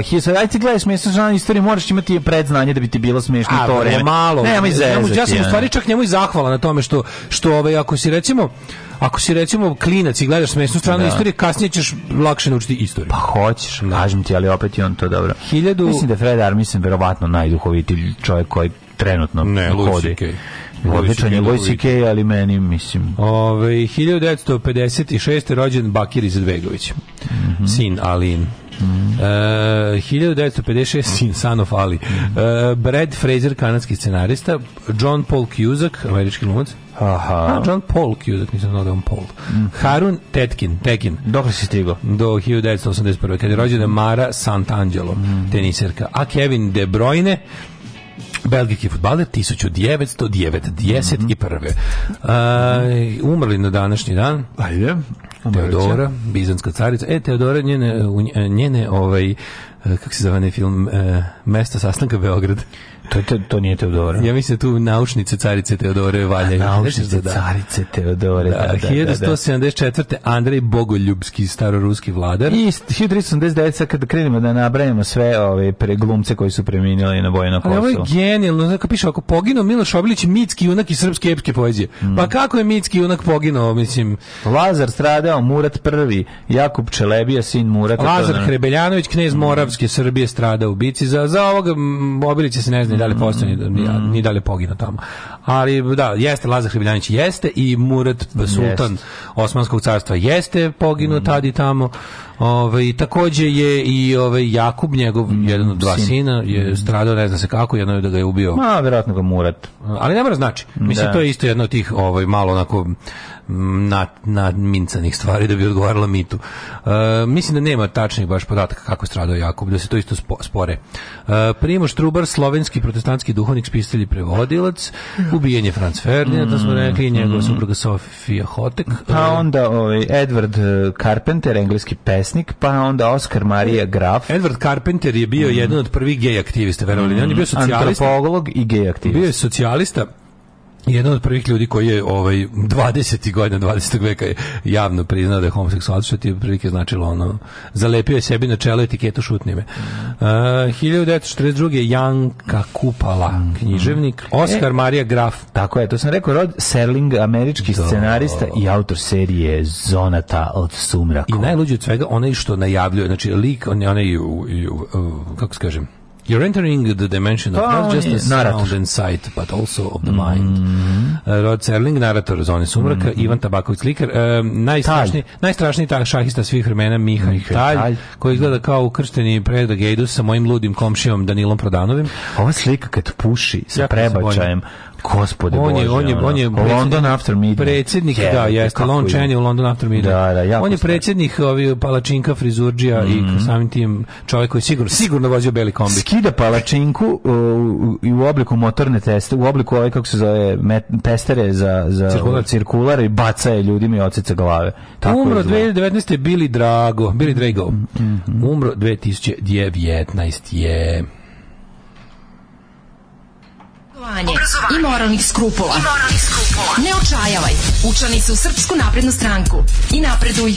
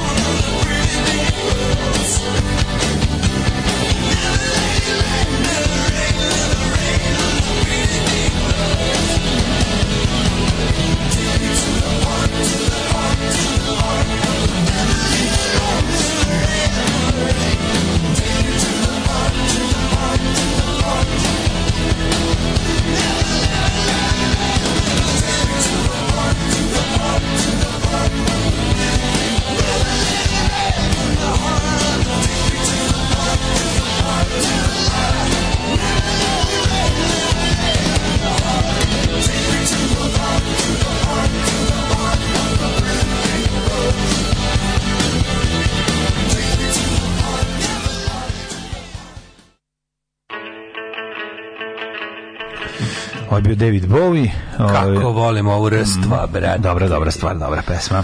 Um, Robert Byrd, američki političar poznat po dugovečnosti službe u Senatu, je nas je napustio na 2010. No, mladine, čekaj, mm -hmm. molim te, samo da pogledam. Uh, Murat je prvi osmanski vladar koji je usvojio pravilo da posle smrti sultana naslednik pobije svoju braću i kako se država ne bi delila, što je tada postalo običajno, tako da mislim da je jasno šta je se jako bude desilo. Um, oduševio sam se kada sam saznao da je u engleskom postoji termin taj overcomb haircut. A s tim što overcomb ne mora da znači da je ispod eh, lavče. Znači overcomb može bude bilo koji, ovaj može i napraviš onu onu onu rokabili frizuru, onako razumeš, onu sa kljunom. Ove... Ovaj- pa sigurno nije krenulo od rokabilija. Mislim, Čelova se da starija. Overcomb krenuo Če, Čelova se starija od rokabilija. Čelova se starija od stila. Overcomb, da, to je svaki to prebačaj. Ne prebačaj, znači, da. pa da. Ali vjerojatno, kad pogledaš, kad malo bolje razmislim, vjerovatno jeste, može čak to je engleski izmišljotin, jer kad, kad god zamišljam nekog viktorijanskog zlikovca koji iskorišćava djecu za, za svašta grozno, mm -hmm. taj tako izgleda. Ima bafe i, i, to. Ima, ima Bakembarde i, mm -hmm. i mhm. Overcomb. Tako je. Um, Kaže, juče sam objašnjavao kolegi da nije Srbija pobedila na Kosovskom polju. On je meni izneo činjenice koje čuo od nekog turskog istoričara sa YouTube-a. Pa da. I to vam je velika većina, ovaj, e, to vam je velika većina će reći Srbi su pobedili jedan deo e, to da je bilo nerešeno, a ljudi. samo ljudi sa legalno završenom osnovnom školom pre 1993. Ljudi. će reći sasvim suprotno. Vi morate razumeti jednu stvar. mi imamo tačno. problem, mi imamo problem i sindrom malog naroda, a to je da verujemo da kad izgubimo u futbalu, da kažemo kažem na kraju smo mi moralni pobednici. Razumete? Ne, mi imamo ovde, mi imamo stvarno, mi imamo pro, nije nego to je Daško je luđe. A kod sve, nije. Kod Daško je luđe. Kod svega je isto, uvek je to. Uvek je to izgubili smo se, ali ne, ne, jeste izgubili smo. 90 u Italiji smo izgubili, a smo bili peti i najlepši fudbal smo. Koga boli Đoka? Šta smo izgubili smo? To je bio samo stadion kad našim daljem ludilo. Ti znaš mi ne možemo. Mađo, da, klinci... činjenice nama ništa ne znači. Mađo, današnji klinci tvrde da je Srbija pobedila na Kosovu. Pa naravno, zašto Ludilo, to, ali kao pobedila zaista ne moralno, ne ona zbog prvi narađeni sine, nego nego da je to bilo dugo skriveno da smo mi zapravo pobedili. Kažete ludilo je krenulo toga da kao to je poraz, ali je moralna pobeda. Pa to je ne znam, pa krene tako dalje ludilo, pa u nekom strateškom pa dužem smislu je to da. bila pobeda. Čekaj, pa, ja na kraju danas Poljska je, bila, Srbija je pobedila je Osman, tri, u septembru 39 pobedila Nemačku jer u nekom dugom dužem računanju 40 Kažem, to, pete, samo bili, to je bila pobeda. Ali to su bili sa to Mislim, ja, ne, ne, to sam samo prošao faze ludila. Pa ja ti kažem kako se kako se išlo od toga kao tipa mi smo izgubili al smo pobedili carstvo nebesko. Nije, pa smo mit, pa tam, da, sada pa, pa sada je mit, znači sad sad je sad jednostavno priča. Pitaš klince ko je pobedio Bojanu Kosovu Srbija. Da, znači da, da, da. to sada pitaš mladog čoveka koji ide Tako u viši razred osnovne ko je pobedio Bojanu Kosovu Srbija. Pa 30 godina ga truju tim bre, 40, 50 godina. Bukvalno. To više nije mlad. To je bukvalno kao crno je belo, belo je crno. Da. I to ti je vrhunac to je to je onako mi neko pita kao zašto je nacionalizam opasan? Zašto, zato što je bukvalno 100% laž. 100% pa da. da. laž. Ove, e, pa onda kaže Uh, Hyle Mel Brooks, Daško i Mlađe bi bili dobri novi produseri. Uh, hajde smislite neki spring time for Mučić and Četnici. Da, da, uh, Preporučujem neurotičnu biografiju Woody Allena, apropo ničega, Ajde, puno priča o razvoju komedije i Mel Brooksu, koji je čak i za Woody Allena tada bio bogotac. Jeste, bre, Mel Brooks je najveći bog i tu nema priče. Ovaj, nego sam nešto da, hajde da napravimo če, ovaj, da napravimo četničku verziju nekog producers. producera. Da, je Evo, tako nešto nije loš, nije loš. Četnica. Da, da, da. Ove, ovaj, da vidite kako se žive u penziji. Ukucati Milenin vrt na Google mapama. Mm -hmm. e, znaš ko je, ko je jedan od najvećih ovako, ovako potpunih kako bih rekao. Meni recimo Ricky Gervais bolji od Louis C.K. po meni, ako bi ja morao da vidim. Savremeni car meni Louis C.K. naj, najsmešniji mm -hmm. taj kao pa, pa, public comedian. Okej, okay, okay, kažem, a, ovaj, a, a od tih ljudi koji mm, isto tako dolevaju, kako da kažem, pravilima i svo, skroz piče svoje jako im dobro ide svako Larry David kako ne, Larry Svakako David. Larry Bog, David, Bog. ovde pomenuo. Larry David me na momente toliko ne nervira i tako volim, ga znači, volim. on da. potpuno, znači to je, to da, je, da. to je moj ideal u životu. Yes, Sve yes. svoje ideje realizuje bez trunke kompromisa. Tako je. To je, to je, ja bukvalno kako da ti kažem, to je, kad me neko pitao šta želiš u životu, želim to. Želim da sve što smislim mogu da realizujem, a da ne kompromitujem ni jednu, znači da bude samo po mome. Da. To je toliko genijalno, to je, to je, to, taj čovjek je dostigao zen, moj zen. Odličan je, mislim, Larry David je precar, to, ne, to nema priče. Stvarno. O, ko, koji bi Daškovi frizuru imao kad ne bi bio ćelaviz, ćelavizom? Um, pa ne, mislim ja ne, ne, ne, ne mogu da zamislim sebe. Da. Mislim tu glavu za kratku kosu, ja bih da ne, ja sve sve svaki moj pokušaj bilo koje duže kose bi izgledao zaista jadno na glavu okruglo. Pa to ne bi imao dužu, mislim. Pa kažem, kad bi ono... pokušao bilo šta što, što se naziva frizurom, to bi izgledalo debilno. To pa ima bi, on bi ošišen i, za, i začišljen sa strane. Pa to, da, ima bi to neku... Ima bi ko ja frizuru, da, kad ima, se ošišem. Ima tu okruglu glavu, kada ga loba, lobanjasta, samo lobanja privučena kožom. Da. Ove, ovaj, nema, nema, puno, nema puno mesa za ove, ovaj, kako se zove, za, za te tako neke.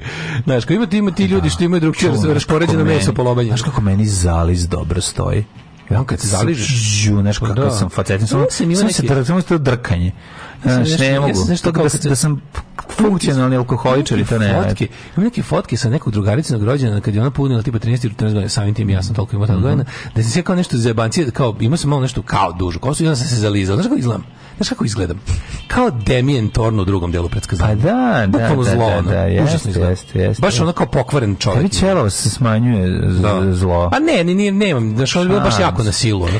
Nemaš, jako na silu i, bio, pa i, raspalo se, i raspalo se posle sat vremena. Ti si Đorđe Balašić. A su te roditelji zalidili ste pa ja, probao? Ja pitao Kevu kako se zaližem. Ja rekao, uzmi gela i pa će ti nafenirati. Da. Kao, kao idem, idem, idem kod Olgin rođen takav da se zjebam. Da, da, da, znaš, kao. Nama je, to bio punk. frajerizam bio ove, ovaj, da se zaližemo ovaj na onako lepo na nazad znaš ono kako su se Sir Oliver varijanta da znači za da, da, prema da, da, nazad tako i ona ti imaš, ti imaš tu pravu mekanu ljudsku kosu ja nikad moja kosa je bila uvek čačkalice razumeš na kao dlake koje ck, tako treba samo nema nikad sam tako mekanu normalnu Evo, kosu ti, ima si piksi na gore ti išla moja kosa bila retka i i i i iz čačkali znači ono kao dlaka je bila kruta pa znam ali išla ti na gore imaš da, da, jež da, jež samo, samo pa i ne može ništa se napravi može da ili da imaš tako ili da, da skineš kosu ili da kineska kroz. da, da, da. da. Ove, uh, uh, krenuo sam da gledam Office opet u da. drugoj sam sezoni. Hvala Bogu da nikad nisam imao šefa kao Michael Scott završio bi zatvor zbog ubistva. To je nešto apsolutno genijalno razlika između američkog Odlično razlika, između, razlika između američkog ofisa u prvoj i drugoj sezoni je najveća razlika u serijama ikada. Da, to je potpuno da. genijalno. Kako u prvoj sezoni samo želiš da ubiješ Michaela Scotta, a od druge ga voliš da ga odnosio bi ga kući da ga pomoziš po glavi. Jeste, jeste. E, Jest. Uh, ovaj, prva peruka za mini seriju Anatomija skandala. Aha, dobro, e, hvala. Uh, Pre neki dan sam vidio četničkog džabidžara na kružnom toku. Ovaj uh, u vjeterniku pored pekare Vojvodina, ne znam što mu je toliko dugo trebalo da se tu natakari. Uh, kaže, iz Kragujevca, iz, iz, iz, iz Kraljevačkog aerodroma lete avioni za Istanbul, Solun i Tivat. Pa to je važno, mislim, super pa ili idu ljudi tamo kao su pa idu. ne zanima komercijalne spasnosti. Znači, ako, ako idu iz kako, recimo, ja ću recimo da idemo iz Istanbul, Zašto bi ja sad išao pa ili pa, u Solun? U Beograd, kao ja, da, ja kad krenem, meni je na pola puta do Soluna jebote, onako krenem. Pa dobro, ne radi se samo o tebi. A jel idu, a ne, pa, ne radi se o tebi. Ne, znam da se ne radi o meni, nego me zanima koliko ljudi iz tog kraja Srbije idu kao ovim destinacijama, koliko pa, to. ne znam, to moraš pitati neko ko radi a, na znaš da postoje, to ću ti objasniti ljudi koji rade u avio saobraćaju, postoji nešto što se zove kako bi to rekao, kao zapljunjivanje tih slotova. Slotovi su ti to gde avio kompanije imaju svoje mesto na nekom aerodromu. I sad to su često, ti slotovi su predmet e, Trgo, trgovine, trgovine shvatam, I da. kao da. neke ti sad na primjer Etihad, ovaj kojim trebaju ne znam kakvi slotovi tu nešto sa nekim napravi neku varijantu, da li zbog kupovina da jata je zapravo bila kupovina ne, da, da, da, slotova, da, da, da, da, To čak ne mora da bude ni ono, to može da bude nešto za kargo prevoz, što nama recimo ništa ne znači, a u stvari je ogroman deo avioindustrije. Um, brate, Kaže, brate, Legije u Hameru Turke rastaraju i rekao, šta je bre miševi, pizda materina, onda došao kod sultana i pustio na zvučnike Baju malog ninđu. Tako je bilo, tako će biti 100 godina. I ovaj je umro, kad je čuo Baju malog ninđu. Sve napravimo, obucimo cicu, ali verzija Daško i frizure. Ove, ovaj, ajmo da vidimo, what kind of weather? Expecting what kind of weather?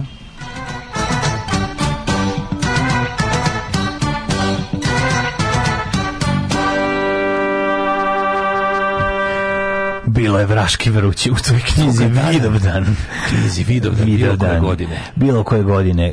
Uh, sledeće. Bilo je vraški vrući. 26 stepeni je, boga mi, u Subotići, u Somboru, u Novi Sad, 27, no, već prijatno. Ale. 26, festivalsko vreme. Ja, ja sam sinoć zaspo ne pokriven onda je jasno da je u pitanju Pojavić, pa teška toplotika. Jović dve ne spavam bez... Dobro, mi imamo dobru izolaciju, lepo urađeno, sve unutra, boga mi svježe bude, očuva se. Znaš da ne moramo, mi ne palimo klimu. Imam, znaš, da mi ne palimo klimu u stanu.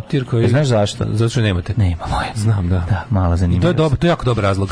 to je jedan od najboljih razloga da se ne pali klima. Ali nismo sa sunčane strane. Ovako, mislim, epistemološki gledamo. Nama se sunce pojavljuje, prika moj, tek, ne otopi se čokolada u autu ako je parkiran uz zgradu. Ispred zgrade, da, da, da. Ne da, da. otopi se zato što ti si duboko u zgradi, duboko, a, a sledeća zgrada je blizu i onda i ne pojavljuje se. Da, da, da, da, da. dođe, u šancu je Kada je jako rano ima malo sunca i kada zalazi ga ima malo. Živeo je na nesunčanoj strani ulicef. Unicef. Uh, 25 stepeni Kikin, 20 25 Loznica, 23 Mitrovica, 27 uh, Valjevo, 24 Beograd na 28 temperaturno hegemon kao i uvek. Kragujevac 22 Sremska Palanka 24 Veliko Gradište 23 Crna Crni vrh 21 svuda skorčio vedroća spičitis uh, pre, pretoplotika Eto, tako da Pretoplotik. Crni vrh 21, 25, Zlatibor 25, Negotin tropskih 25, Sjenica, Sjenica 14. They don't give a fuck, ne daju jebanje. I Požega je. 18, Kraljevo 21, Koponik 17, Kurčumlija 20, Kručevac 23, Ćuprije 24, Niš 24. Sad je Novi Sad najtop, Novi Sad je trenutno najtopliji grad. Beograd je najtopliji. A, Beograd da, da, da, je. Mora se Beograd. Mora Beograd. Zajčar, Divica, Duranje po 20. Beograd, što hoćete se odcepite. Da, eto, 21, 20, 20 jug od Srbije. Do kraja nedelje jako, jako toplo vreme. U Zrenjaninu ima jedan oblak da bi glumili ludilo, da bi bili različiti do ostatka sveta alternativci kao nemamo vodu, kanal piće, i ružne religiozne lutke, oružje otmičara, imamo kao oblak. oblak i tako. 16.8.20, a to nisu izredeni. Dok ćeš više? Nisu da, izredeni, ne. Pazova. Volim punk. Što voliš punk? Zato što... Zato što sam punker, evo. Alarm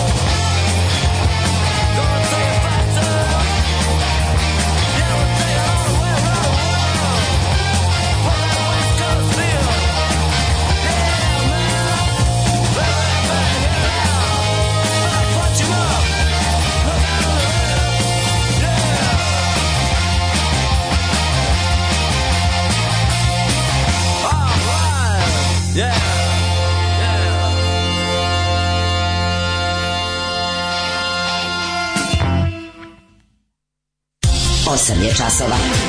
Radio Daško i Mlađa. Prvi program.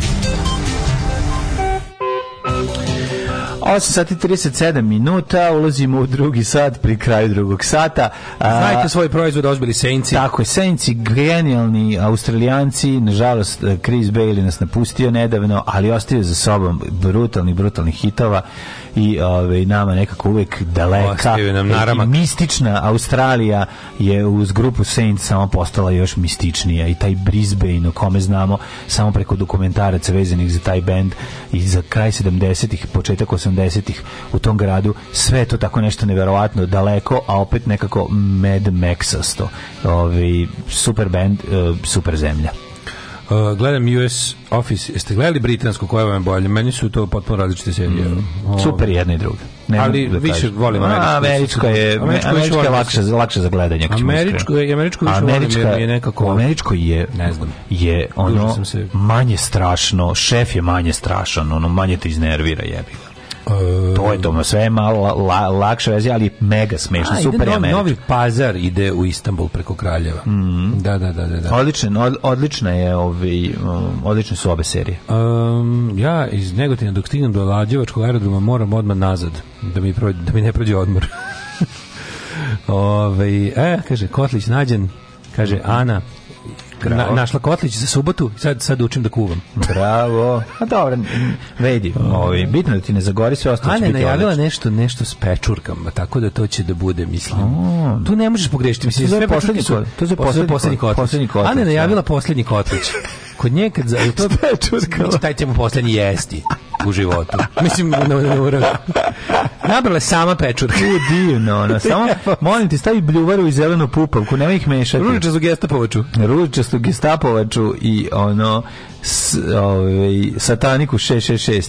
Znači njih nema nikako da zanima. Satanika pandemonium. Da. Jedan svetao primjer. petak celog popodne u dvorištu osnovne škole na Novom Beogradu izvodio se rock and roll, Metallica, da. bio Divljan, bio Iggy Pop, bili Gansi, nije bilo ni Baje, ni Kninđe. Deca znaju pesme, aplaudiraju, da, da. srce da. zaigralo. Eto, dobro ima. Što bi rekli, što bi rekli na Twitteru, ima nade. Slušaj ovo, Ima, da. Jadranka nema, Joksimović naravno. uverena da ulazimo u Europsku uniju za 5 ili 7 godina. Kako to pa super. Mislim, Postavili to je ne, genijalno. Ne, pa, pa, pr, prvi razlog zašto mi ne ulazimo u Europsku je ta žena. Mislim, kako ti kažem? Ne, ne ulazimo. Mi pa ne ulazimo ta, ta žena je postavljena da mi ne uđemo u Europsku uniju. Mislim, njen posao, njem posao je da bude čep u toj da, kadi. Radikalska smrduljana. Već je ona, mislim, ona, nešto, prvo, mislim, ona je, on, ti, ta stika, to, ja sam ju dva put da priča, ona, ona ništa ne govori, ona sedi tamo i ona je fik, žena fikus, teški fikus. Urednica Velike da, Srbije. Tako je. Urednica tako. Velike Srbije će da, nas da, da, uvede u da, šta. U šta, šta te može da te pa uvede u septičku jamu? Pa to Mislim, u njoj već živimo. Ja bih malo prokomentarisao izjavu patrijarha Porfirija da će javno napraviti spisak uh, uh, direktora škola gde nije zadovoljan veronaukom on. I koliko se ljudi plaše crkve. Znači, meni je to apsolutni apsolutni mi je ovaj kako se zove utisak. Uh, a on nije zadovoljan ne, veronaukom. Nije zadovoljan kako veronauke idu školama i on će da javno prozove direktore škola u kojima je čuo da nema dovoljno veronauke. Aha, baš da. super, baš super. Ove, ovaj, pa ja ću znači da, da ja ću da ne vidi ovako, nema dovoljno ateizma u bogosloviji. Znači da, ja ću da, da, da nazovem da, sad i da kada prozovem sve ono bogoslovije od odavde pa do ove ovaj, Dabrobosanske mitropolije. Ne, moram da, ono, da kažem da nisam zadovoljan. Onda to izazvalo jel naravno reakciju ljudi da se kao to proveri šta kaže ja ipak nisam pa ćeš da vidiš nešto što je meni zapravo utisak iz, iz načina koji su novinari pokušali da dobiju odgovore od roditelja i, i nastavnika u školama, vidiš koliko su se ljudi usrali da govore na to da, temu. Da, Vidi koliko se ljudi plaše te jebene bande psihopata bradatih. 6 časova ujutru. Grupa oznojenih mladića trči po studenom vazduhu pre zore. Alarm! Alarm! Sa mlađim i Daškom.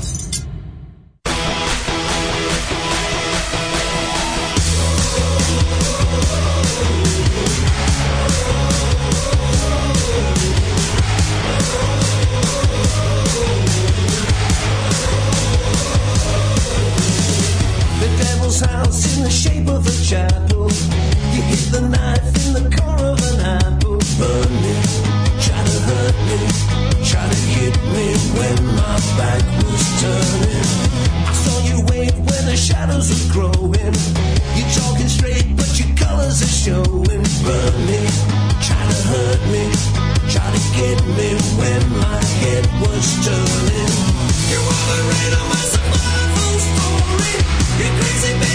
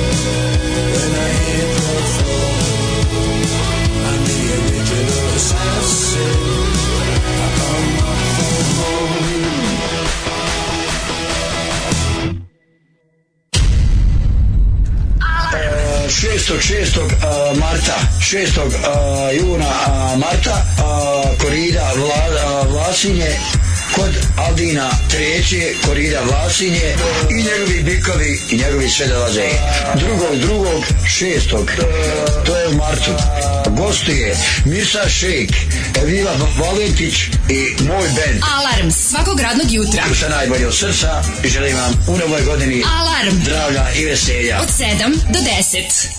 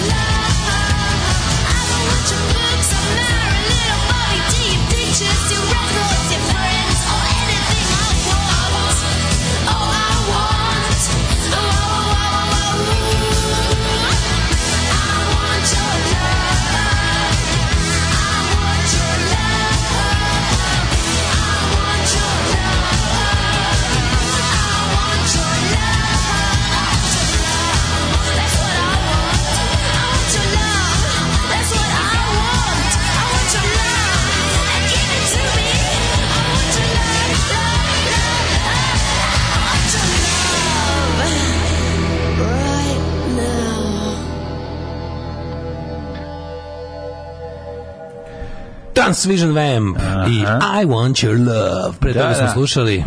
Pre toga Billy Idol i Ken Baker. Billy Idol. Mm. E, sreli se Billy Idol i Al Gore, ne znam znaš te vi. Da, I ne znam. Kaže, gde si Billy Idol, ali ovaj kaže, gde si Al Gore? Ove, uh, uh, uh, iz čega je džingl grupa ozbiljnih mladića? iz e, neke emisije onog kako se zove onaj preobdareni voditelj ovaj na sa e, radi televizije Beograd. Svetolik Mitić? Svetolik Ali ovo nije njegov glas. Pa da to nije, nije, nije, nije, ne, ne, to nije glupo. Grupa obnaženog liđa nije on, to je neki drugi glas. Moguće da on bio urednik ili nešto drugo, ali ovaj narator nije Svetolik Mitić. Mm, mislim, ne, da on ima malo više taj, on drugčiji malo pa priča. Pa dobro, ovaj on iz 70-ih, kad si ga slušao iz 90. Ovaj ne, ne, drugi čovjek 100%, no, okay. znaš njegov govor ona. A ovo je, ja mislim možda neki filmski novosti. Pa nešto jeste. Um, kaže Branda, banda brati psihopata koje mi jebeno plaćamo da nam se usiru u sadašnjost i u budućnost. Ne mogu, zapednem svaki put. Ajde da ne zaboravimo velikodušnu donaciju SPC DPS-u od strane države u vreme korone, kad su ljudi u Sjenici, Novom Pazaru i Užicu umirali na podovima bolnica, pa jebe vam sto svetih sava, ajde da ukinemo obrazovanje i cepamo samo nauku, podcrkli, da ne kažem dabu. Pa oni bi to i radili, mislim, oni idu u tom, u tom su fazonu. Ajde da vidimo kako glasi Sve, vest, jer pa- stvarno verovali ili ne, znači vrhovni vampir se oglasio, meni je super što u, u, um, se neko rekao, ovaj, kako bio dobar tweet od nekog komičara američkog, I heard that the church, the church and state are back together. Ovaj, pošto je separation ili ti odvajanje crkve od države tekovina francuske revolucije i, i temelj normalnog, ovaj, mm. ne da kažem, demokratskog sveta.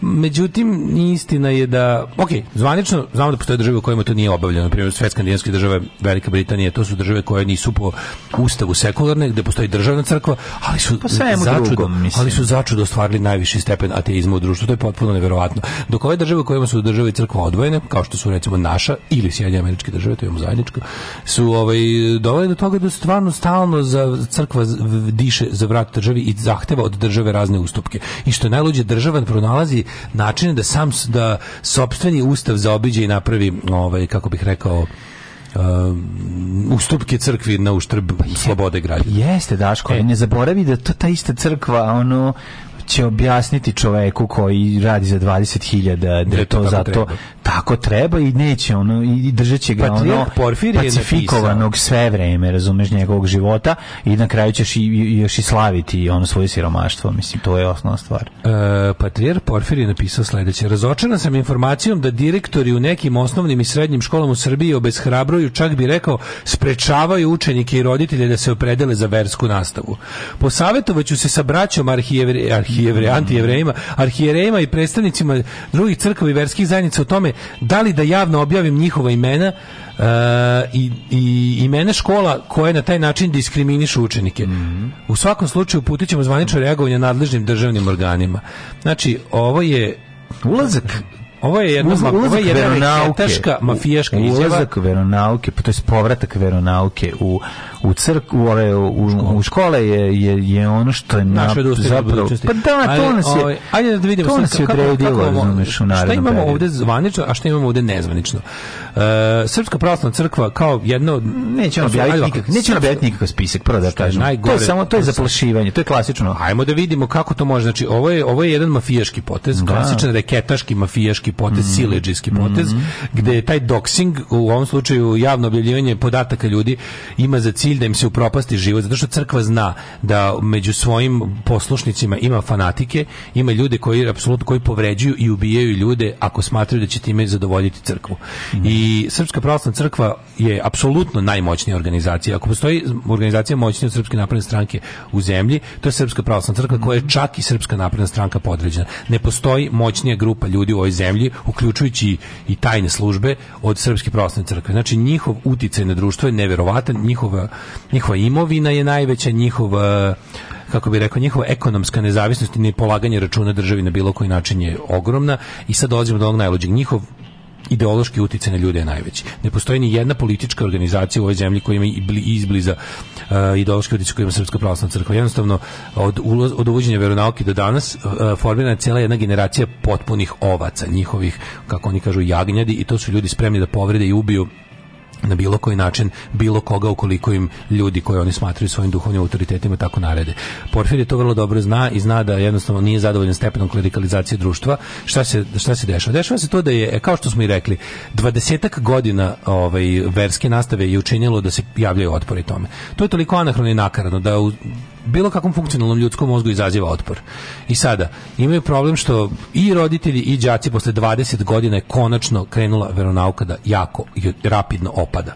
Kao što opada i broj vernika hrišćanske crkve širom sveta, oni to na to uzvraćaju ekstremizmom. Znači, da. katolička crkva pokušava možda čak i najpametnije da radi u tom smislu, najpametnije po sebe, najgore po svetu. Zato koriste ovaj, društvene mreže, više katolička crkva, čega, da. katolička crkva pod ovim papom Franci, Franjom je ovaj kako se zove, usvojila tu neku kao to friendly moderno hrišćanstvo koje mm, nas stvari samo prilagođ pokušaj prilagođavanja. Pokušaj da, prilagođavanja. Da, da, I sad kao to se dešava sad otprilike zadnjih pošto ja pratim te statistike uglavnom za Ameriku, mm. oni oni naj ti Pew Polls i Gallup Polls, oni su nekako naj e, najrevnosnije radite. Mm. Se kao katolička crkva imala, imala je prvo najveći pad vernika dugo, dugo 20 godine. U zadnje četiri godine ne mogu da kažu da su stekli nove vernike, ali im je opao im je pad, da tako kažem. Smanjio se pad vernika. Zato što katolička crkva bukvalno uh, u Americi su naložili, ali inače samo žive ta, ta katolička liga Amerike, Amerike jedna naj ovaj, radikalnijih, najkonzervativnijih. Oni su isto napravili pristup u kom su morali da malo poslušaju Vatikan, centralu, da kao malo malo humanizuju crkvu. I za katoličku crkvu to radi posao, dok recimo e, sve te protestantske, uglavnom baptističke i ostale mm -hmm. crkve u Americi imaju pad, ovaj, kako se zove, generalno imaju pad vernika, ali ovi koji ostaju su radikalizovani na političkoj desnici. Taj hrišćanski nacionalizam u Americi je zapravo sada najradikalnija, najopasnija, najmilitantnija politička snaga. E, da se vratimo na našu zemlju, e, Srpska pravoslavna crkva shvata koji je njima je veronauk nešto najvažnije. To je bazen u kom to je njihov ribnjak u kom oni odgajaju buduće poslušnike. Problem je što se bazen probušio i što poslušnici cure kroz tu rupu. I sad oni igraju dugu igru i oni shvataju da koliko, koliko se desi ponovit se situacija s početka 20. veka, da im je veronauka bilo najveće odgajalište komunista zapravo. Ne jer taj katehizis koji su učili ljudi u onim kraljevim školama u društvu ogromne nepravde i ponašanje takozvanih veroučitelja u onom periodu je stvorilo više komunista nego dela Karla Marksa i da. Lenina, mislim, u, u tadašnjoj kraljevini Jugoslavije. Pa, Oni sad imaju žigom priča. Prvo, da, prvo što imaju, da. prvo što imaju sličnu socijalnu klimu uopšte. Mislim, naše društvo... Kad je pitao, liči... kad je pitao ovaj, ovog veroučitelja, a da. šta ješ beli Luka onda, ako veruješ da u Boga i u sve drugo, a svaki dan krkaš beli luk, kaže, to je bila prva stvar koja je ona kao, da se ipak preživim i onda kao, ako veruješ u sudbinu, ako veruješ da će... Zašto hrišćani imaju kočnice na kolima? Da, zašto ne zašto, treba biti zašto, kočnice? Zašto, da, da. Zašto imate, da, kao, zašto radite bilo šta? Ono, kao, to, je, to je naravno, ako je toliko lepo preći u drugi život šta ga odlažete koji moj ono. Ako je ovo samo pripremno zašto bi odlagao nešto što je ovaj. Ne kaže treba da se ubiješ, al kao zašto sprečavaš zašto sprečavaš stvari da te prenesu u sledeći svet koji je bolji? Zašto to radiš? Mislim što šta s tobom nije u redu. Ako je tako to zaista. Ako si ubeđen da je to zaista tako. Nego ti kažem socijalna klima jako liči na klimu s početka 20. veka u našoj zemlji trenutno. Živimo gotovo monarhiji gde imamo gotovo kralja i gotovo dvor. I jednostavno samo ljudi bliski kralju i bliski ovaj e, oligarhija jeste na neki način kažem kao neka nezvanična mala monarhija. Da ti jednostavno imaš nasledno pravo ljudi koji će nasledno biti bogati i nas koji ćemo nasledno biti gologuzija. Imaš uz, u, izuzetan, što si ti rekao malo pre, uh, ulogu crkve koja treba to da normalizuje i opravda. Mm. Da ti kaže da je normalno, da Bog želi da radiš u pelenama za, za, za 30.000.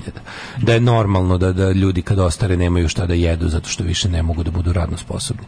I takve stvari. I sad u toj situaciji on napravio klimu. Ono što je mene potpuno šokiralo juče, kada su novinari otišli u razne škole, random, random škole, kao pošto vi ovaj nije rekao na šta misli. Poslali su ekipe u 5-6 beogradskih škola. Ne sme niko ništa da kaže. Niko ne pa sme da. ništa da kaže. Pa da. Ljudi se boje ljubavi Božije, ljubav mhm. Božija ti razbija na glava, ljubav Božija možda bude nož u, ne znam, u stomak. Zna, zna, zna se kako se na ovim prostorima manifestuje ljubav Božija. Kroz silovanje, paljenje kuća, neverovatna zverstva, to je u ratu. A zna se da ljudi sa Hristom na usnama najviše kolju, tuku koji povređuju i razbijaju glave. Niko ne kolje i ne maltretira kao pravoslavni hrišćani u, trenutno u Srbiji. Srbiji. Znači, apsolutno najnasilnija, najopasnija grupa ljudi u ovoj zemlji. Šta im je zajedničko? Svi su, kad ih pitaš, pravoslavni vernici. Niko ne želi s pravoslavnim vernicima da se kači, a iza njih stoji moćna organizacija koja jednostavno je ogromno ubiralište para pored svega toga i kad im se dirne u bilo šta što im na duže ili kraće staze može osujetiti akumulaciju kapitala, oni ti jednostavno a super je što je to, znaš kako je to napravljeno mlađe? To su ljudi kada ti kada se kada ti oni pošalju likove da te privedu k veri predaka, to, to je pravno znaš kako, nijedna policija ih neće, prvo što ne želi da ih osudi što ima tu magijsku moć da se ljudi useravaju kada bradati čovjek u haljini nešto izađe i kaže on, on je policajac se upišava ono razumeš ono od, od oduševljenja a drugo što je pravno jeste ako se ko će meni dokazati da ko će ikada dokazati da, da je Srpska pravoslavna crkva, crkva imala išta sa prebijanjem te i te osobe koje, koje kritički o njoj govorila. Razumeš? Oni su to svesni na to da si šta je radio, vređao je verska osjećanja građana. Da, da. I normalno da je a, pobudio revolt, a njemu da. može tom čovjeku može bukvalno biti naređeno od strane ove ekipe da to uradi. Kažem ti, baš sam bio potpuno potpuno me to nekako mislim znam da se nagledao svega ali i dalje i dalje postoji stvari od kojih ja znaš onako se baš prenerazim da taj strah strah koji su vuku ljudi ja razumijem da postoji strah od srpske napredne stranke to, to smo navikli kao neće da pričam kom je dao, ko je došao da mi ponudi par za glas. Neće da pričam, hoću da još jednu stvar, Daško, nije samo to, ljudi su i postoje takozvani umereni vernici. To nisu vernici, ali to su ljudi koji bi volili just in zapravo, case. Da Vera se... opstaje na tim ljudima. E, Religija da, opstaje na tim tako ljudima. Je, naša, Religija kao... opstaje na tim umerenim vernicima. Daj da ja ipak ovo za da. slučaj da taj drugi život postoji, da. koji ne veruje. To se zove pas, Pascal, Pascalova nagrada. Pa da, znači oni, oni, oni, ti ljudi isto postoji i ono zato funkcioniše ovi sve tako kao što da, funkcioniše. Da, mislim, Pascal je rekao da kao pametnije, kao e, sa matematički gledano, da. kao šta imaš kao da izgubiš ako veruješ. Ako, da. si, ako si recimo, ako veruješ i umreš i stvarno postoji strašni sud, ti dobro prošao. Ako veruješ, umreš, nema strašnog suda, opet si prošao kao, a ako ne veruješ, umreš, a ima strašnog suda, loše si prošao. To je Pascalova kao nagodba, ali to je, to je naravno ono bullshit argument ne. Nema, naravno, ne govorim ti kako ljudi razmišljaju, ne govorim da. ja ono pokušamo da uđemo u, u mozak prosječnog. Aj sad ovako, najbolji dokaz za sve to za, za, za razumevanje, najbolji način da razumemo naše društvo, jeste da zapravo pogledamo kako izgleda onaj setimo je da gostovanje Željka Mitrovića na Rajteliziji Vojvodine i, i, i način na koji se on ponaša, šta je pričao i kako je to izgledalo i kome se on obraćao. E to je to je suština priče. Ti tu kad vidiš, mislim to je se obraćao je potpuno lobotomiziranim ljudima. A to su, ali mislim, ja bih da se vratim na ulogu ljudi koji gledaju su ljudi koji kupuju brojanice i Da, ja bih da se vratim na tu ulogu crkve koja je kombinacija tog zastrašivanja pa je on zastrašio ljude da s kojima priča. Znaš da strašan lika koji došao da mu kaže, ono, znaš kako... Ne znam kako, mislim, ljudi koji su uplašili Željka Mitrovića su zaslužili da žive strahom. Ljudi koji veruju u Pink na isti način veruju to. To je, da. to je obožavanje, razumiješ, jedno, jedno neverovatno obožavanje. Znaš što mene, meni je fascinantno ta kod običnog čoveka, što onog mitskog običnog čoveka, ta kombinacija, znaš kao tipa, on, ja mislim da apsolutno niko, da od svih vernika pravoslavnih u Srbiji, da imaš možda ono bukvalno 100 ljudi, bukvalno 1-0-0. Znači, 100 ljudi koji imaju tu neku, kako da kažem, dobrovoljnu, potpuno uh, potpunu veru. Znači ja mi ja, mi, ja sam apsolutno ne ne ne i, i koji imaju da kažem strah jedino i samo od Boga. Tako je. Koji bi ja ajde da kažem i razumeo. Ne. Da. Zato što je tako. Ali ja kapiram da 99,9 1% vernika u Srbiji osjeća i sam strah od crkvene organizacije. Kako ne? Da. Ideja da se, da se pobuniš protiv bilo kog crkvenog učenja te stavlja, stavlja u konflikt sa celim društvom. Da, sa ne možeš da se sa obudiš protiv crkvenog učenja ako nema, ako kako ti nisi učen. Pa radi kako ćeš se pobuniti? Ima, znaš što je najtužnije? Na koji način se može da se budi? Se nadrga kad pop traži 50 evra. Pa, e, za to može da se U ovoj anketi se najbolje vidi da ljudi zapravo osjećaju jedan racionalni strah od mogućnosti da budu povređeni i ubijeni. Znači, to je jednostavno, to nije ništa To može nastavnik da osjeća. Ne i roditelj. Roditelj. Pa roditelj Mlađo, se boji za svoje dete i zato to radi. koliko ima ljudi sa prosječnom inteligencijom koji su shvatili da je crkveno učenje laž. Znači, jednostavno, ono, kao, ne treba ti, ne moraš biti bog zna kako inteligentan da vidiš da sve što piše u svetim knjigama je laž. Nego ti jednostavno, kada ti to shvatiš, e onda ti se uključuje ona neka socijalna i druga, zapravo inteligencija je, važan deo inteligencije je adaptacija. Da. Znači, a, adaptacija jeste u ovom društvu, mislim, Pa ako je primarna direktiva preživeti, onda je ovaj kako se zove, onda je adaptacija u tom smislu, onda je znaš kao pitanje šta je inteligentno, ako je inteligencija u neki u, suva sama inteligencija, ona neka kako da kažemo, nepatvorena. Bi trebalo da bude da ti pokoti omogućava adaptiranje razne stvari da bi ti preživeo. E sad, kad uključiš socijalnu inteligenciju i da uključiš nešto što druge, druge, druga živo bića na planeti nemaju, to je ono kao neke stvari koje čovjek ima za moral, smisao, da li vredi živjeti pod svim uslovima, da li je život najvažniji ili je, postoji nešto vrednije od života, da li postoji stvari za koje treba dati život. Životinje to osjećaju na nekom ono jako organskom nivou, tipa da će život za mladunci i ni za što više. Mm, to može se desiti. Ali čovjek će dati život i za ideal, za, za nešto što smatra, znaš, to se dešava. I onda kao to je ideja o slobodi. To je ideja i svest o slobodi koja tek kada shvatiš da postoje stvari u koje vredi ugraditi život, možeš da živiš dostojanstven život. A ovde, kada, i to se može, pazi, sad desiti, kod prosječno inteligentnog čoveka ti shvatiš da ono jednostavno kao vidiš u knjizi piše jedno, pogledaš u stvarnosti drugo. Mislim, vidiš šta pop vozi, vidiš šta pop A onda pokušaš da to kažeš. Kako se to završi? Znači, pokušaj da kažeš da pop nije u pravu, se uglavnom završi loše, pa ono koji je otkrio da pop nije u pravu. Da. I kada ti se to desi dva puta, ti onda inteligentno u cilju očuvanja života postaješ beskičmenjak mm. koji nastavlja da održava ovaj sistem za koji zna da je lažan zato što su mnogo moćni ljudi na njegovom čelu U Srbiji nema boljih. Tišina tamo. Alarm sa mlađom i Daškom.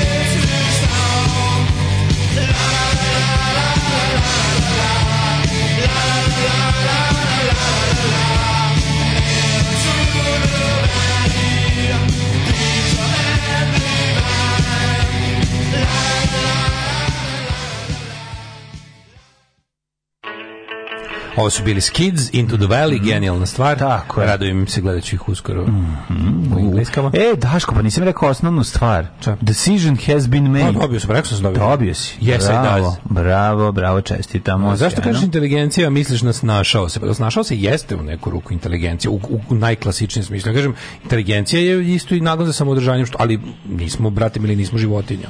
Imamo životu nešto više od nagona za samoodržanjem. Nagon za samoodržanjem je uglavnom donos, dovodio do groznih, socijalno groznih stvari. Ove, uh, pa onda kaže, prepun YouTube životinje koje se bore i ginu za ideale. to je zato što ih ja radije gledam od beba, pa znam. Ove, žao mi što neupiljivi novinari nisu e, bili uče u mojoj školi da nas pitaju veronauci u školi, mada nisam siguran da bi Iko objavio ono što bismo imali izjaviti. Pa i to je, da. Ove, komunisti opet bili u pravo vere da se skloni na marginu društva, da, a ne da se ukine, mada bih ja ukinuo. Ne možeš da ukineš, mislim, ne možeš ukinuti. To nema smisla. Ti ljudima ne možeš reći šta im bude u glavi jednostavno društvo u kom se crkvi ne daju nenormalne šanse i povlastice je dobro društvo, a tu će vera sama naći svoje mesto na marginama društva. Mm. Znači pogledajte jednostavno sve zemlje razvijene, nigde nije vera religija nestala, ne postoji ateističko društvo na svetu nažalost, ali tačno se vidi korelacija između broja ateista i sreće u društvu. Jednostavno, mm. u srećnijim društvima, u materijalno bogatijim, u društvima u kojoj su ostvarena veća ljudska prava, ljudi, u društvima u kojoj se osjeća više ličnih sloboda, tamo je, ovaj, tamo je religioznost ljudi na, na istorijskom minimumu i to je, i to je tako. Ove, um, Dale. Kaže, meni nikad nije bilo jasno zašto najveći otpor vjeronauku nije od samih profesora u školi. Jednaka vrijednost ocjene iz vjeronauka i fizike, hemije, biologije je prvenstveno i ruganje njima. Apsolutno da, ali e, kažem, stvorena jedna klima u kojoj, bar u Srbiji, ove poruke iz Zagreba ili iz Hrvatske neke, ali je fore što u Srbiji, barem, mi imamo taj problem da nam je zaista najdesniji e, sektor društva nam radi u prosveti i začudo medicini. Mislim, ako ne računamo fizičke radnike koji su uglavnom jel, onako podložni nazadnim idejama. Ali od ovih za koje računaš da su kao tipa intel, inteligencija i, i i ovaj on, elita društva, što god to značilo, začuđujuće mnogo ljudi je, je podložno retrogradnim idejama, kažem, a naročito uh, nastavnici razredne nastave, odnosno učiteljice i učitelji, jednostavno to je težak, težak, težak, težak, teško desno, teško brown, teško. Ove, ovaj, um, nisam bio neko vreme sa vama, koliko je mlađi ispimplovao? Ove, ovaj, vidjet ćeš, vidjet ćeš u, u subotu koliko je da, da, da, mlađe Vidjet ćete u subotu. Cirku smo u prvom razredu pisali građansku, u drugom iz radoznalosti izrazila želju da pohađa veronauku, pa smo ju upisali. Na kraju školske godine je rekla da je to sve dosadno i već tri godine ide ponovo na građansku. Ove, uh, Draško, Daško, jako si ostrašćen povodom crkve. Ali i dalje nedovoljno, moramo više da ih mrzimo. odlično, odlično, odlično. Ove, e, istraživanje USA u zatvorima velika većina su vernici, dok recimo u Akademiji nauka velik, ve, velika većina naučnika su ateisti. A ne meni interesantno kada kažu um, kada kažu ovaj uh, ajmo izboriti da jednostavno vera daje ljudima nadu i to je ono isto. Znači to je neka mislim i, i, i čovjeku je lakše da mu neko drugi propiše pravila ponašanja da ih prati nego da se sami iscima. Znači, znači cimanje, ne veru nauka jednost, jednako cimanje i vera, razmišljenje. Vera je strah od slobode. kažem, pa, vera je rezultat straha od slobode. Nemoj... Sloboda je strašna ljudima. To smo hiljadu puta zaključili Tako, tačno. Jeste. Sloboda je ljudima strašna i komplikovana. Mm -hmm. Znači, mhm. vera je, je nešto što... Vera je neki balans između. Mm -hmm. znači, zato meni krivo, ljudi treba, da, ono kao kada, kada se citira Marks i ono religija opijom za narodnicim, to nije rečenica samo za sebe. Mora se pročitati u kontekstu. Jeste, su, jeste da su je kao ono, e, pojednostavili da bi od nje napravili jedan jednostavan slogan, ali to treba čitati u celom kontekstu šta, zašto Marks to zaključuje. To nije klasičan neki ono ateistički samo slogan. Marks tu prilično tačno zaključuje otkud uopšte religija. Znači, zašto to i, i koje je mesto u ljudskom društvu i u ljudskom u pojedincu svakom. Da. Yeah. Da. I mislim, naravno, da dođe to da jeste opijum. Ali ko, koja je uloga opijuma i zašto čovek uživa opijum? Da je to ono kao duša bezdušnog sveta, da se to, to cveće kroz, kroz ove, kako se zove, kroz zarađale la, ove mm. karike lanaca. Yeah. Da. Znači, i to je to što kaže. Ali ljudi su u principu, ljudi su u principu plaše slobode i vole da i vole, vole, vole oca koji će im govoriti šta da radi kada ostanu bez svog oca ostajemo oni na nebu. Mm Uh, a u međuvremenu imaju razne, kako da kažem, političke očeve vođe plemena. Na, dan, na jučerašnji, na jučerašnji i današnji dan E, 1989. godine počeo je upis zajma za preporod Srbije. Je. Yeah. Yeah. To je bio to je genijalan bio... plan za finansiranje rata. Ne, I, to je bio genijalan, to je bilo onako kada su oni recimo krenuli to kod Dubravke Stojanića u upis zajam za preporod Srbije zapravo bilo ono privatna radna akcija kod Hape. Apsolutno. To je to bilo. Znači Ali to je to. to je bio jedan kao prijemni. To je bio prijemni da u kojem će se da, koji deo naroda će se upisati u kretene. Tako je. Da. I jednostavno to je bio e, zapravo e, pa, to je bio kao neki zajedno za prirodni preporod Srbije. Nije bio samo koji će deo naroda upisati u kretene. To je bio zapravo pokazatelj koliko ima ljudi koji su bili na ovaj ili onaj način stekli novac, uglavnom se računa na ljude koji su radili u inostranstvu. Tako, stižu devize da, da. iz sveta je pod nas. Da se pokaže koliko, da oni su sami napravili mm -hmm. eksperiment, prvo što je to bila zarada, Mm -hmm. A drugo što su time pogledali da. koliko koji procenat ljudi u narodu koji imaju novac, a koji za koje se smatralo da su van neke direktne kontrole samim tim što žive i rade u inostranstvu, da se, koliko će se odazvati nacionalističkoj a, nacionalističkom onom zvonu koji ih zove, da, jebi ga trubi, koji ih zove na okupljanje. I davanje zajma, ja se, znači ja nikad neću zaboraviti bukvalno to je jedna od prvih svađa kojih se ja sećam na, na hopu Mm. Bili smo kod naših komšija na nekog neka neki ručak je bio i povela Koji se priča. Po, po, jedan je pitao, jedan je pitao mog ćata koliko si dao. On je rekao dao sam mu kurac da izbio oči. kao, ali onda je bilo znaš kao eto, znaš, onda je bilo kao u fazonu da, da, znaš te neke da, priče evo, da, i da. tu se tu je tu ja se sećam dobro je tu bilo onako mislim one nije nije se završilo ružno, mm. nešto se ponovo, ali tu se sećam da, da, da imao sam ono kao 9 godina i sećam se te neke zahladne neprijatnosti. Da, da, Nekoliko hiljada šaltera, banaka banaka i pošta u zemlji od više stotinu upisanih mesta u inostranstvu juče su e, dočekali prve u, u to mlađe čita politiku, zajem, mlađe čita politiku, le, iz politiku iz 27. juna 89. 27. juna 1989. godine. E, u radnim kolektivima formirani su posebni odbori e, i punktovi za zajmodavce. Da, da. I sad gledam ljude kako dolaze ovde i daju pare i razumeš koji idu Bogoljubu Kariću. koji u tom trenutku odlaze za... Pa da, znaš, da, da, da, tako razmišljaš koliko oni finansiraju svoju propast. Ali mlađe nisu znači, krenuli... Ovo je, ovo je finansiranje su, oni, znači, propasti. Govorim, sad, sad samo govorim o srpskom nacionalizmu, taj, da. taj mi je najviše zajebo život. Ovo, ovaj, srpski nacionalizam je krenuo organizovano da mm. osvaja funkciju, znači nakon Titove smrti, 81. druga, treća. Kreće polako da se valja i kao i sve ostalo dolazi kult, preko kulturnog fronta, preko mhm. kulturoloških, mhm. preko kulturoloških stvari. Znači, u, počinje da se uvlači ta misao ideje o bespravljenosti Srba, da su Srbi ugroženi kao, kao naj, najmasovniji narod u, ovaj, u Jugoslaviji, ne pripada im dovoljno moći u odnosu na to koliko ih ima, mhm. naše zapadne republike rade o glavi Srbiji, Srbija radi, zapad, zapadne republike se gradi da. i ostale gluposti. Takođe počinje mit o tome da ovi da Hrvati, ne znam, ostali narodi nisu dovoljno kažnjeni za NDH mm i da počinje ponovo da se budi strah od etničkog nasilja u kom će Srbi ponovo ovaj da jeli idu pod ustaški nož i kreće jedno stvari preventivno na prevent, ovaj put kreće priča iz Sanua, mm -hmm. srpske pravoslavne crkve i kulturni krugova okupljenih uglavnom pazi to su nekakvi pesnici, pisci, pozorište, koje u tom trenutku zapravo nije, znaš šta je najluđe od svega, što su oni tu, tu krenuli da nadiru sa pozicije koji nisu bili nešto popularno društvo, mislim, koji, koji procena društva je zapravo išao u pozorište ranih 80-ih. I, oni, I onda pa likovi no, poput Slobodana Milošića, ne odričući se pritom, jel, mhm. socijalizme i Jugoslavije, uh, i to je u stvari ovaj Rankovićizam i njegova sahrana koja je bila neka vrsta zbornog mesta za sve te ljude, da se, još što kaže, prebroje, kad su ne bili njih zapravo ime, da je to popularna ideja na kojoj se možete kako raditi, pa i zaraditi. Kreće kreću ti e, revizionistički uh, i ti neki taj neka ta neka horor pornografija pr pr prvo kreće strašno veliko interesovanje za ustaške zločine opet mm -hmm. u smislu da kao o tome se čudi mislim što nije tačno kreću laži no. Da. prvo kreću laži jer šta stasala generacija koja se toga ne seća mm -hmm. stasala generacija polako koja se ne seća ni samog rata a ni načina kako je rat interpretiran mm -hmm. i onda oni kreću sa mitovima nakon kreću, Londona kreće, gitara i ploča počeli su da dobiju ono kosti kosti kreću jame tako kosti je Golubnjača, Žrtving, žrtve, Milutinu, žrtve, žrtve, žrtve. Žrtva, žrtva, žrtva, srpski narod, žrtva. Da. moramo, mi moramo sledeći prvi udariti da nam se ne znesi da opet budemo žrtve. žrtve da. Moramo prvi udariti, nama Ustaše opet spremaju klanje, pridružujem se, zna se ko muslimani. Mm. Uh, Slovenci su no, ovaj, već svakako pederčina s kojima nemamo ništa zajedničko i to, a znači znači čiju će stranu oni da odu. I sad mi pod firmom, jelo, čuvaj rebalansa, pošto Srbi su jako strašno ugroženi u toj Jugoslaviji, krećemo kao da, e, oni kreću sa tih strana do 85. 6 već se pridružuje Sanu, memorandum. Da, da, da, da. Slobodan Milošić dolazi na vlast od 87.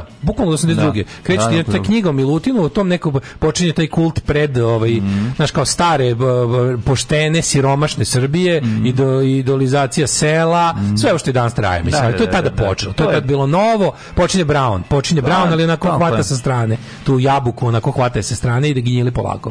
I onda oni... Ovaj, protiv revolucije. To je to. Da, kontrarevolucija. Oni su oni su ovaj, zaključili tamo negde 89. da je društvo spremno da da novac za takve ideje. Mm -hmm. I istestiraće bukvalno ljude. To su bili izbori pre izbora. Slobodno mhm. Miloševiću već data podrška unutar ono partijskih organa, što je bilo važno. On je posle osme sednice postao sve i da. ja i to je bio. I došao kao volit inspektor. Da došao kao volit inspector Da, da, da. E on da, je da. to, to volit inspekcija mm -hmm. bila mhm. određena zajam za privredni preporod Srbije. Da, da Srbi daju pare da Srbija ponovo bude jaka. Mm -hmm. I to se dešava prvo 89. Srbija proglašava državnost svoje teritorije daleko pre Hrvatske i ostalih, ovaj kako se Slovenije i ostalih republika 28. mart 1989. Mm -hmm. menja svoj ustav, proglašava državnost na svojoj teritoriji, to je već mislim nespojivo sa sa ustavom Jugoslavije. Mm -hmm onda traži od, novac od ovaj, svojih građana. Pa ti bukvalno daješ državi pare, svoje pare, nazad državi da raspolaže s njima kako ona misli. A mislila je kako je mislila. Da, da, da. da. Znači onda sledeći stupanj je uh, sledeći stupanj tu isto već određena jogurt revolucija, smo skroz zaboravili, to je da, jako važno. Jako važno. Da, jako da, važno. I onda imaš 90 da mi kao zvanično Vojvodine. Zvanično i Dva. prelazimo na više partijski sistem gde će narod jel kao rasterećen stegama je partije mm -hmm. je mhm zapravo odabrati iste te ljude koji su se presvukli u nacionalističke odore sa lovom koji su ljudi dali, su im da im zagovnaju život. Alarm! Da imamo i zeca, pufnatog. Kupili smo u Niš. Od 7 do 10. Alarm! Alarm sa Daškom i Mlađom.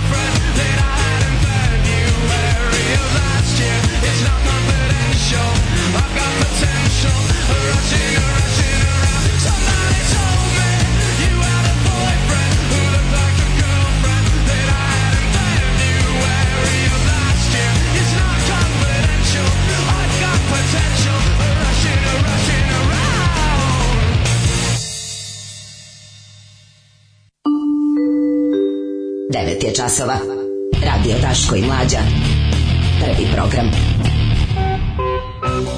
Slovo povuku dobar za sebe, a fatalan za narod, mm -hmm. potez mhm. sklopiši pakt sa patrijarhom Germanom i tako omasovio i SPS i SPC. Pored sa SPS-om, SPS je uradio dobar govnarski potez. Sve su proglasili za pravog naslednika ono, socijalističkog saveza radnog naroda, plus Saveza komunista Srbije. Znači, oni su izveli SPS je u, na, na, sebi pokazao primjer e, privatizacije.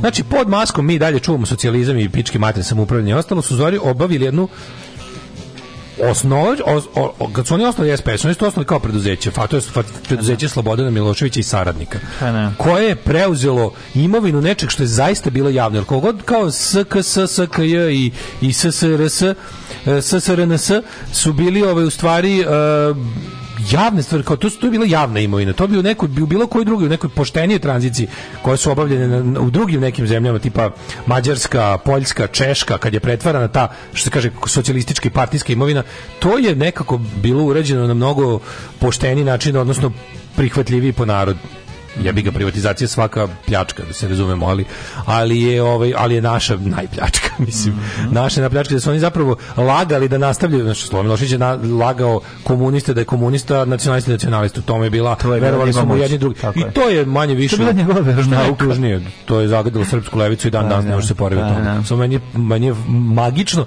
kako se to prevelo prenelo na mlade ljude koliko ti mhm. imaš tih ono četno levičara u Srbiji to je to je najčešća frakcija levice u Srbiji tako je tako jako malo kod nas ima internacionalista u pravom smislu. U, naj, u narednom satu, u narednom satu hej ćemo da vidimo ubod ose i pčele kako ga, šta uraditi kad se dogodi, stiže leto, jede se uh, lubenica, dolazi i osa. Stiže osa.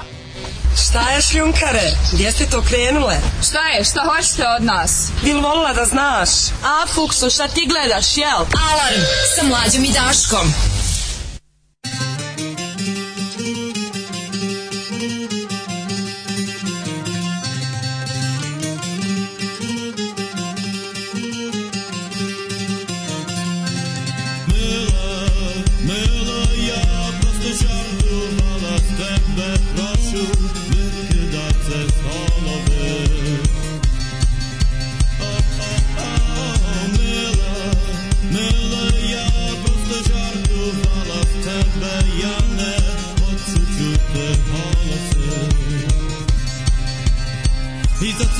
çocuğun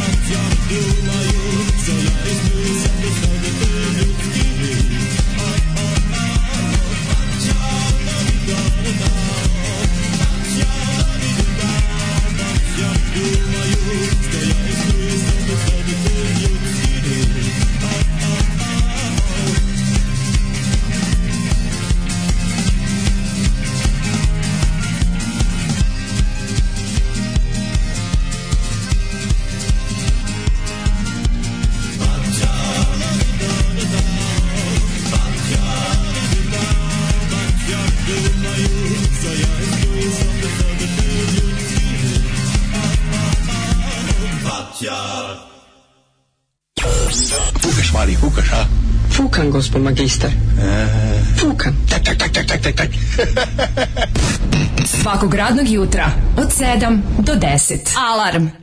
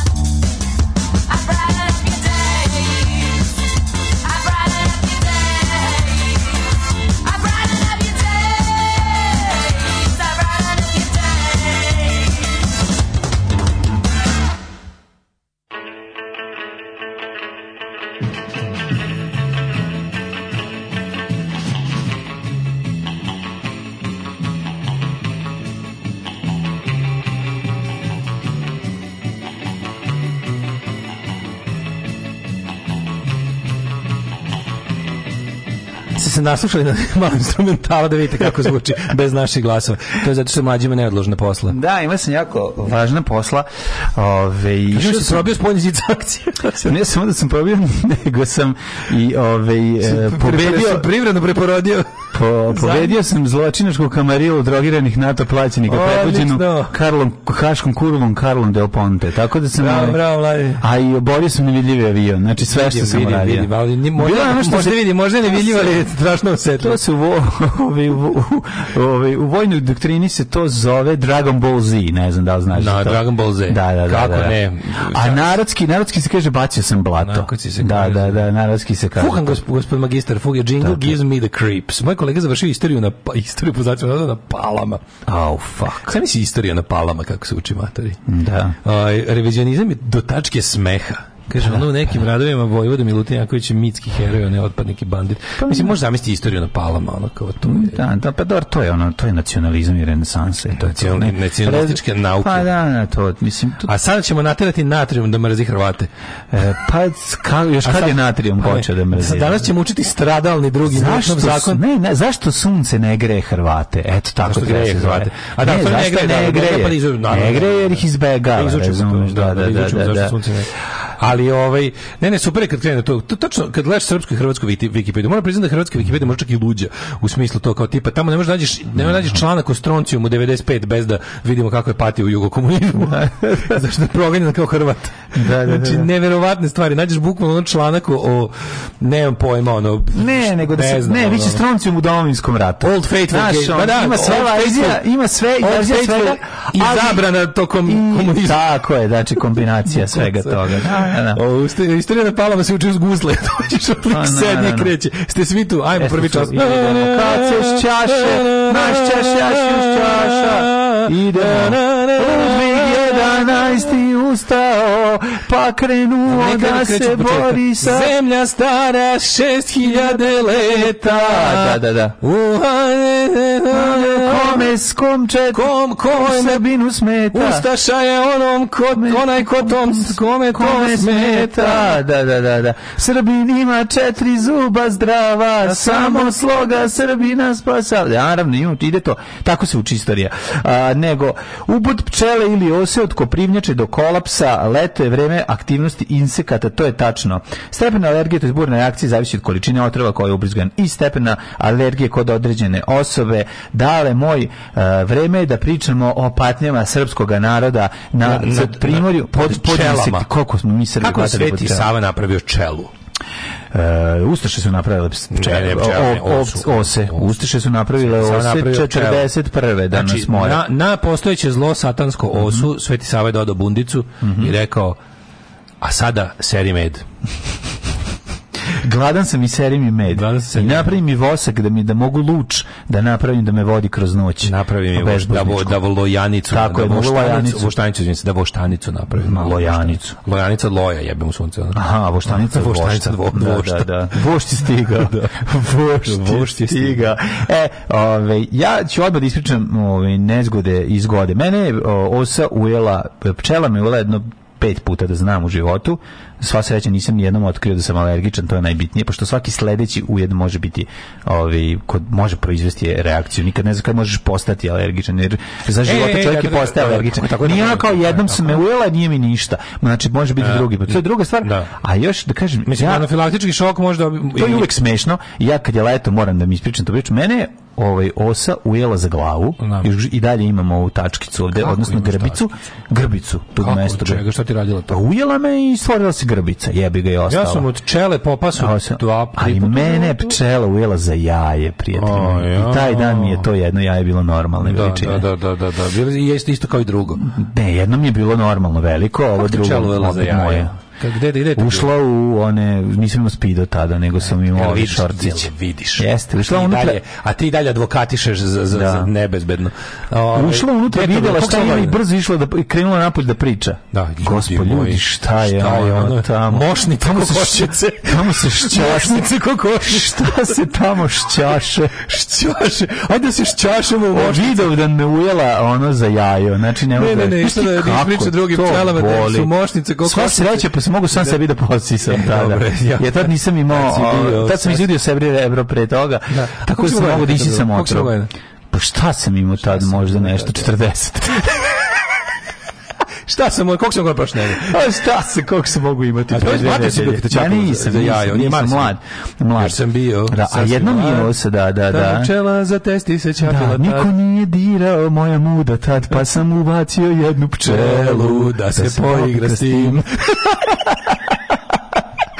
ovaj fora tome da me je, ove, ovaj, kao jako malo da mi je ušla osa u rukav. Slušaj, mošnica da da, da, u žlici jaja. Kreću pesme same od sebe. Kao čebela, kao čebela. čebela na kapi. Čebela na kapata. Pa ne, ne, pčelata na kapata, pčelata. a čebela na kapi. A čebela na kapi. Da to ušlo mi je, ušlo mi je, ove, ovaj, ušlo mi je u, u rukav je masakrirala mi ruku. A to je već bila kesa od levsa lepkom. Nije, nije. Znači, baš sam bio klinja, ali onda sva sreća. Mm. Zagorka odmah nah, stručno odgrizla pola, luk na pola i istreljala, istreljala mesto i ne znam da li je luk učinio da se ubije otrov ili šta, ali smo u busu se osjećali jako, a ovaj dok smo odlazili kući, iz Bukovca. rekli su ne treba ništa, ne treba kartu. Iz Bukovca, ja sam rekao, hoćemo da kupimo kartu, ne treba, besplatno, za vas je besplatno. Naravno. Zašto? Zašto? Samo, samo sklonite jednu knanicu. Idite samo tamo ja da se raje. Ja sam prvi put u Bukovac selo sad e, posle emisije. Pokažu ti kako se ide. Da, nikad nisam bio baš u mestu pa Bukovac, samo okolo. Pa zašto je slepo crevo, ne, u Bukovac se ne ide, osim ako nemaš posla u Bukovcu. ništa ne, ne, prolazi se, ne prolazi Ne prolazi se iza kraj sveta, da, da, da. more. Pa iza, da, da, da. da. Ključa more, da pa se planine. nego je ovaj, nego sam htio reći da je ovaj zadnji put sam imao, imao sam najgori susret pre tri godine kada me je ujela če, uvela osa sa onim tankim telom prokleta. Osica, ma to osica. Nije, o, o velika. Velika i to je konobar, ona je bila na stolu. Konobar je uh, tresnuo, ovaj, u Grčkoj tresnuo um, da očisti sto. Mm -hmm. Ona je bila na, na tom prekrivaču i zabola mi se u ruku.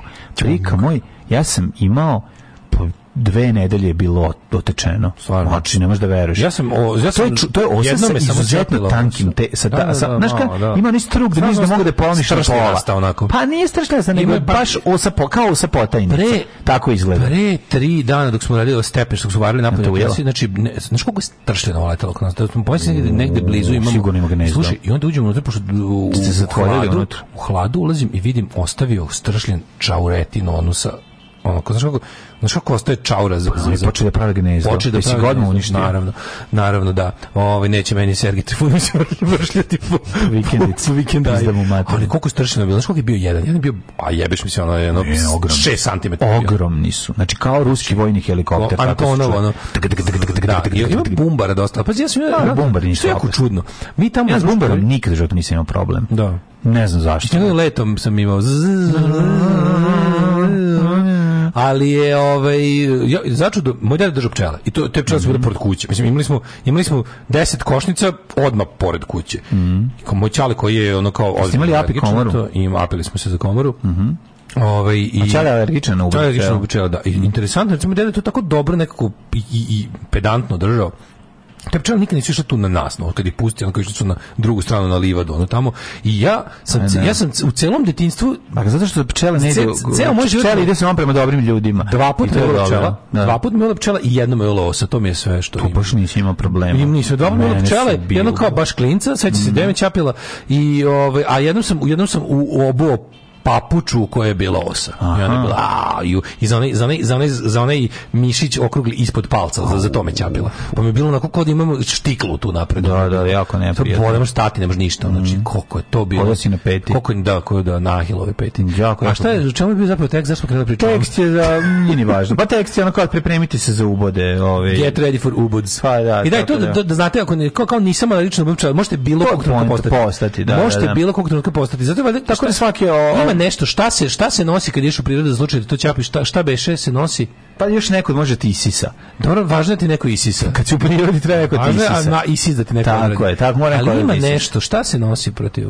Pa nosi se, nosi se i, pa zna se injekcija adrenalina. Ja bez toga na Frušku goru no, ne zajebam se, pa ne. I pa onda u, pa onda u srce, i on ti rokne u srce. ne mogu da pišem, bez, ima neki, nešto, neki, neko narod ima da se nosi pa, protiv uboda pčela ili oseda, ako ti jako imaš jako takvu reakciju da je kao smanj dok ne odiš kod lekara, ne možete šta. Ma, sedne se u, u kola i brzo e, bežiš e, kod doktora. Ako te čapi ovi. Ako si na, na pešačenju, a tebi se baš ta desi, pa ne znam. A dom zdravlja u Irigu ima, kaže, ono, 80% svih ono, intervencija su im to, ljudi koji nešto ujelo. Pa naravno. Gradska deca koja hoće mm. malo u prirodu. Ne? Najbolje kad nešto ujede pa doneseš kod doktora, kad doktor kaže, e, stvarno ne znam šta je, ono, naš, da, ono, da, kao, da. ne znam, u bauke ili nešto. Pa da, da, da, da, da, da, da, da, tako da. Idemo u, čujem, ili imam mudrosti. Mhm, Nije tu mhm, jela mhm. za glavu, prcala uhvatila te ta grbica e, ovaj kako se zove a, ujela ga pčela za jaje jebem ti život da ne zezno ima na palama ocijek za kineski jezik to treba videti majko mila ovaj e,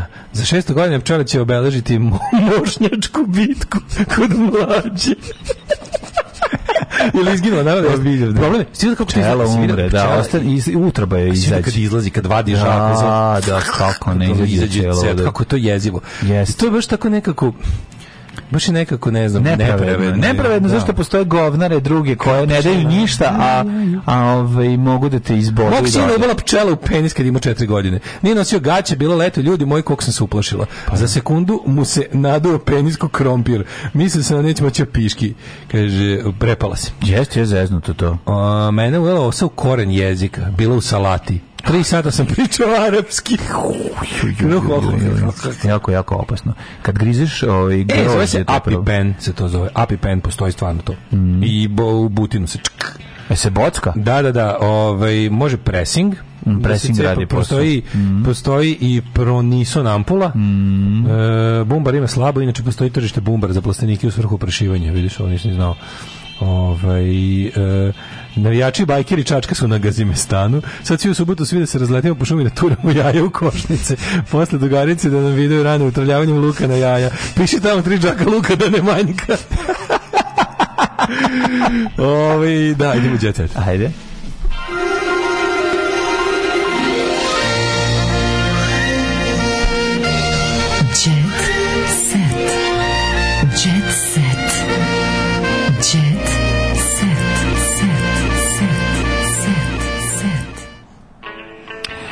Otuđite da se, emisija da, da na popu, na, na, na romskom jeziku za ovaj, jet set za, za sve mhm. vas. E, da vidimo šta ima popularno, je li neko izbačen iz neke zadruge, je li počeo šesta sezona Survivora, šta se dešava? Steven Tyler je imao streliteljstvo nadamnom. Bivša devojka slavnog rokera priča o životu s poznatom zvezdom moju ku moju A ko e, koji nad kim ima starateljstvo? Pevač ima 25 godina kad je upoznao Đuliju koja je tada imala 16, pa to bilo 1900 sa 69. Mislim, on je 40 mm, nekog godište, zar ne? Koje godište je? Steven Tyler 40 neko, da. Pa, da, da, da. Kakav frajer, pogledaj. Da, još je, ja, pogledaj ga, matori sad. Pogledaj ti kakva je to frajerčina. Vidi ga, tako bi Johnny Depp trebao da izgleda. David Musti. Pogledaj, da, ličin Johnny da Pa ne, ličin, mislim, frajer je. ona. da, da, da. Sa Draškom sam raskinula virtualno. Mm A sa Draškom, Milinovićem? A sa, da, sa Daškom. U realnom životu. Realno. Tanja Savić je priznala da više nije u kontaktu s gradonačelnikom Banja Luke Draškom Stanivukovićem da su prekinuli odnošaj. Mm e, to je taj coitus interruptus. Mm -hmm. e, mhm. pozdravljam ovom prilikom Draška, nismo više u kontaktu, raskinuli smo virtuelno, trajalo je sve to godinu dana, e, da li smo se čuli taj dan kad sam okačil sliku u venčanici, bolje da ne pričam dalje, dalje. Da, Uglavnom da. imamo neku Ponizila gradonačelnika Banja Luke Draška sam šutnula. Služ, Draška sam šutnula preko lajkova. Služio mi je jedan za marketing. Dan, jedan dan mu samo nisam lajkovala fotku, on je sve shvatio. Da. Shvatio da između nama gotovo. E, Miki upao kod Sandre i Anđela i imao šta da vidi. Sve prštalo od e, strasti. E, Milica Dabović nesposobna za ljubav. Ja se bojim Milica Dabović. Ona mi mm. niko neka jeziva Olivera Balašević mm. na steroidima. Mm. Jel da? Mislim, Olivera Balašević je jeziva. Ali Milica Dabović je, kažem ti, kao, mm. kao Olivera Balašević Dačić koji su koji ujeo atomski da. brav, brav, brav.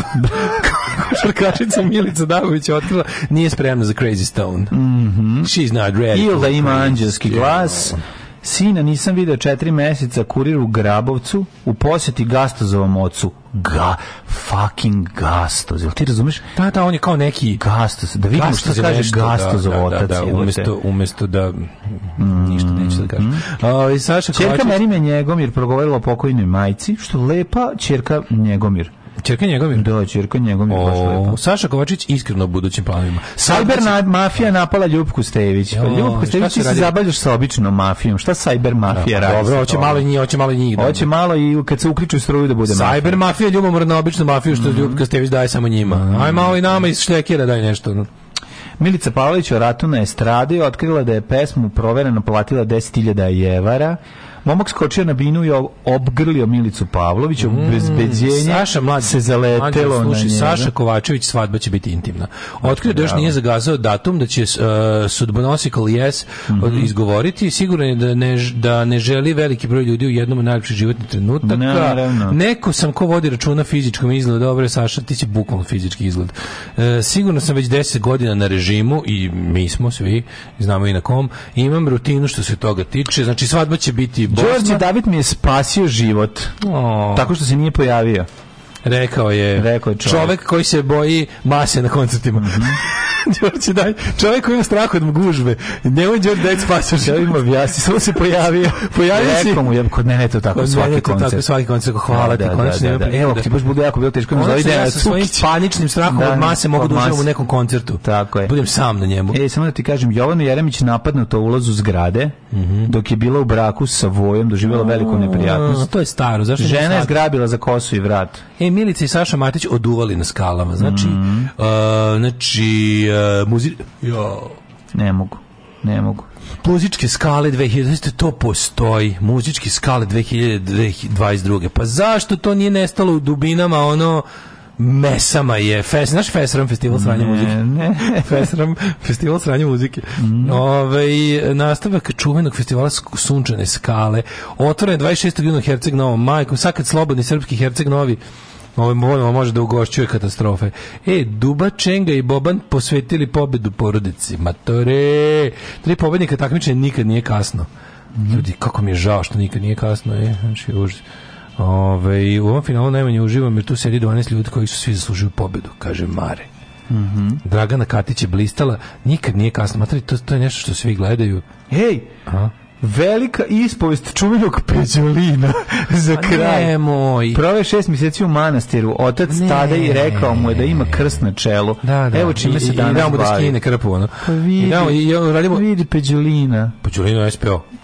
Jeste. Peđulino stari četnik, da, da, da. Ima predrag, ime Predraga Vukovića, Peđulino, je stari za decu i njihovo zdravo odrastanje. Da, zdravo, neke zdrave. Peđulino je otkrio čime se bavi posle dve decine rade na televiziji. Ajde na robu.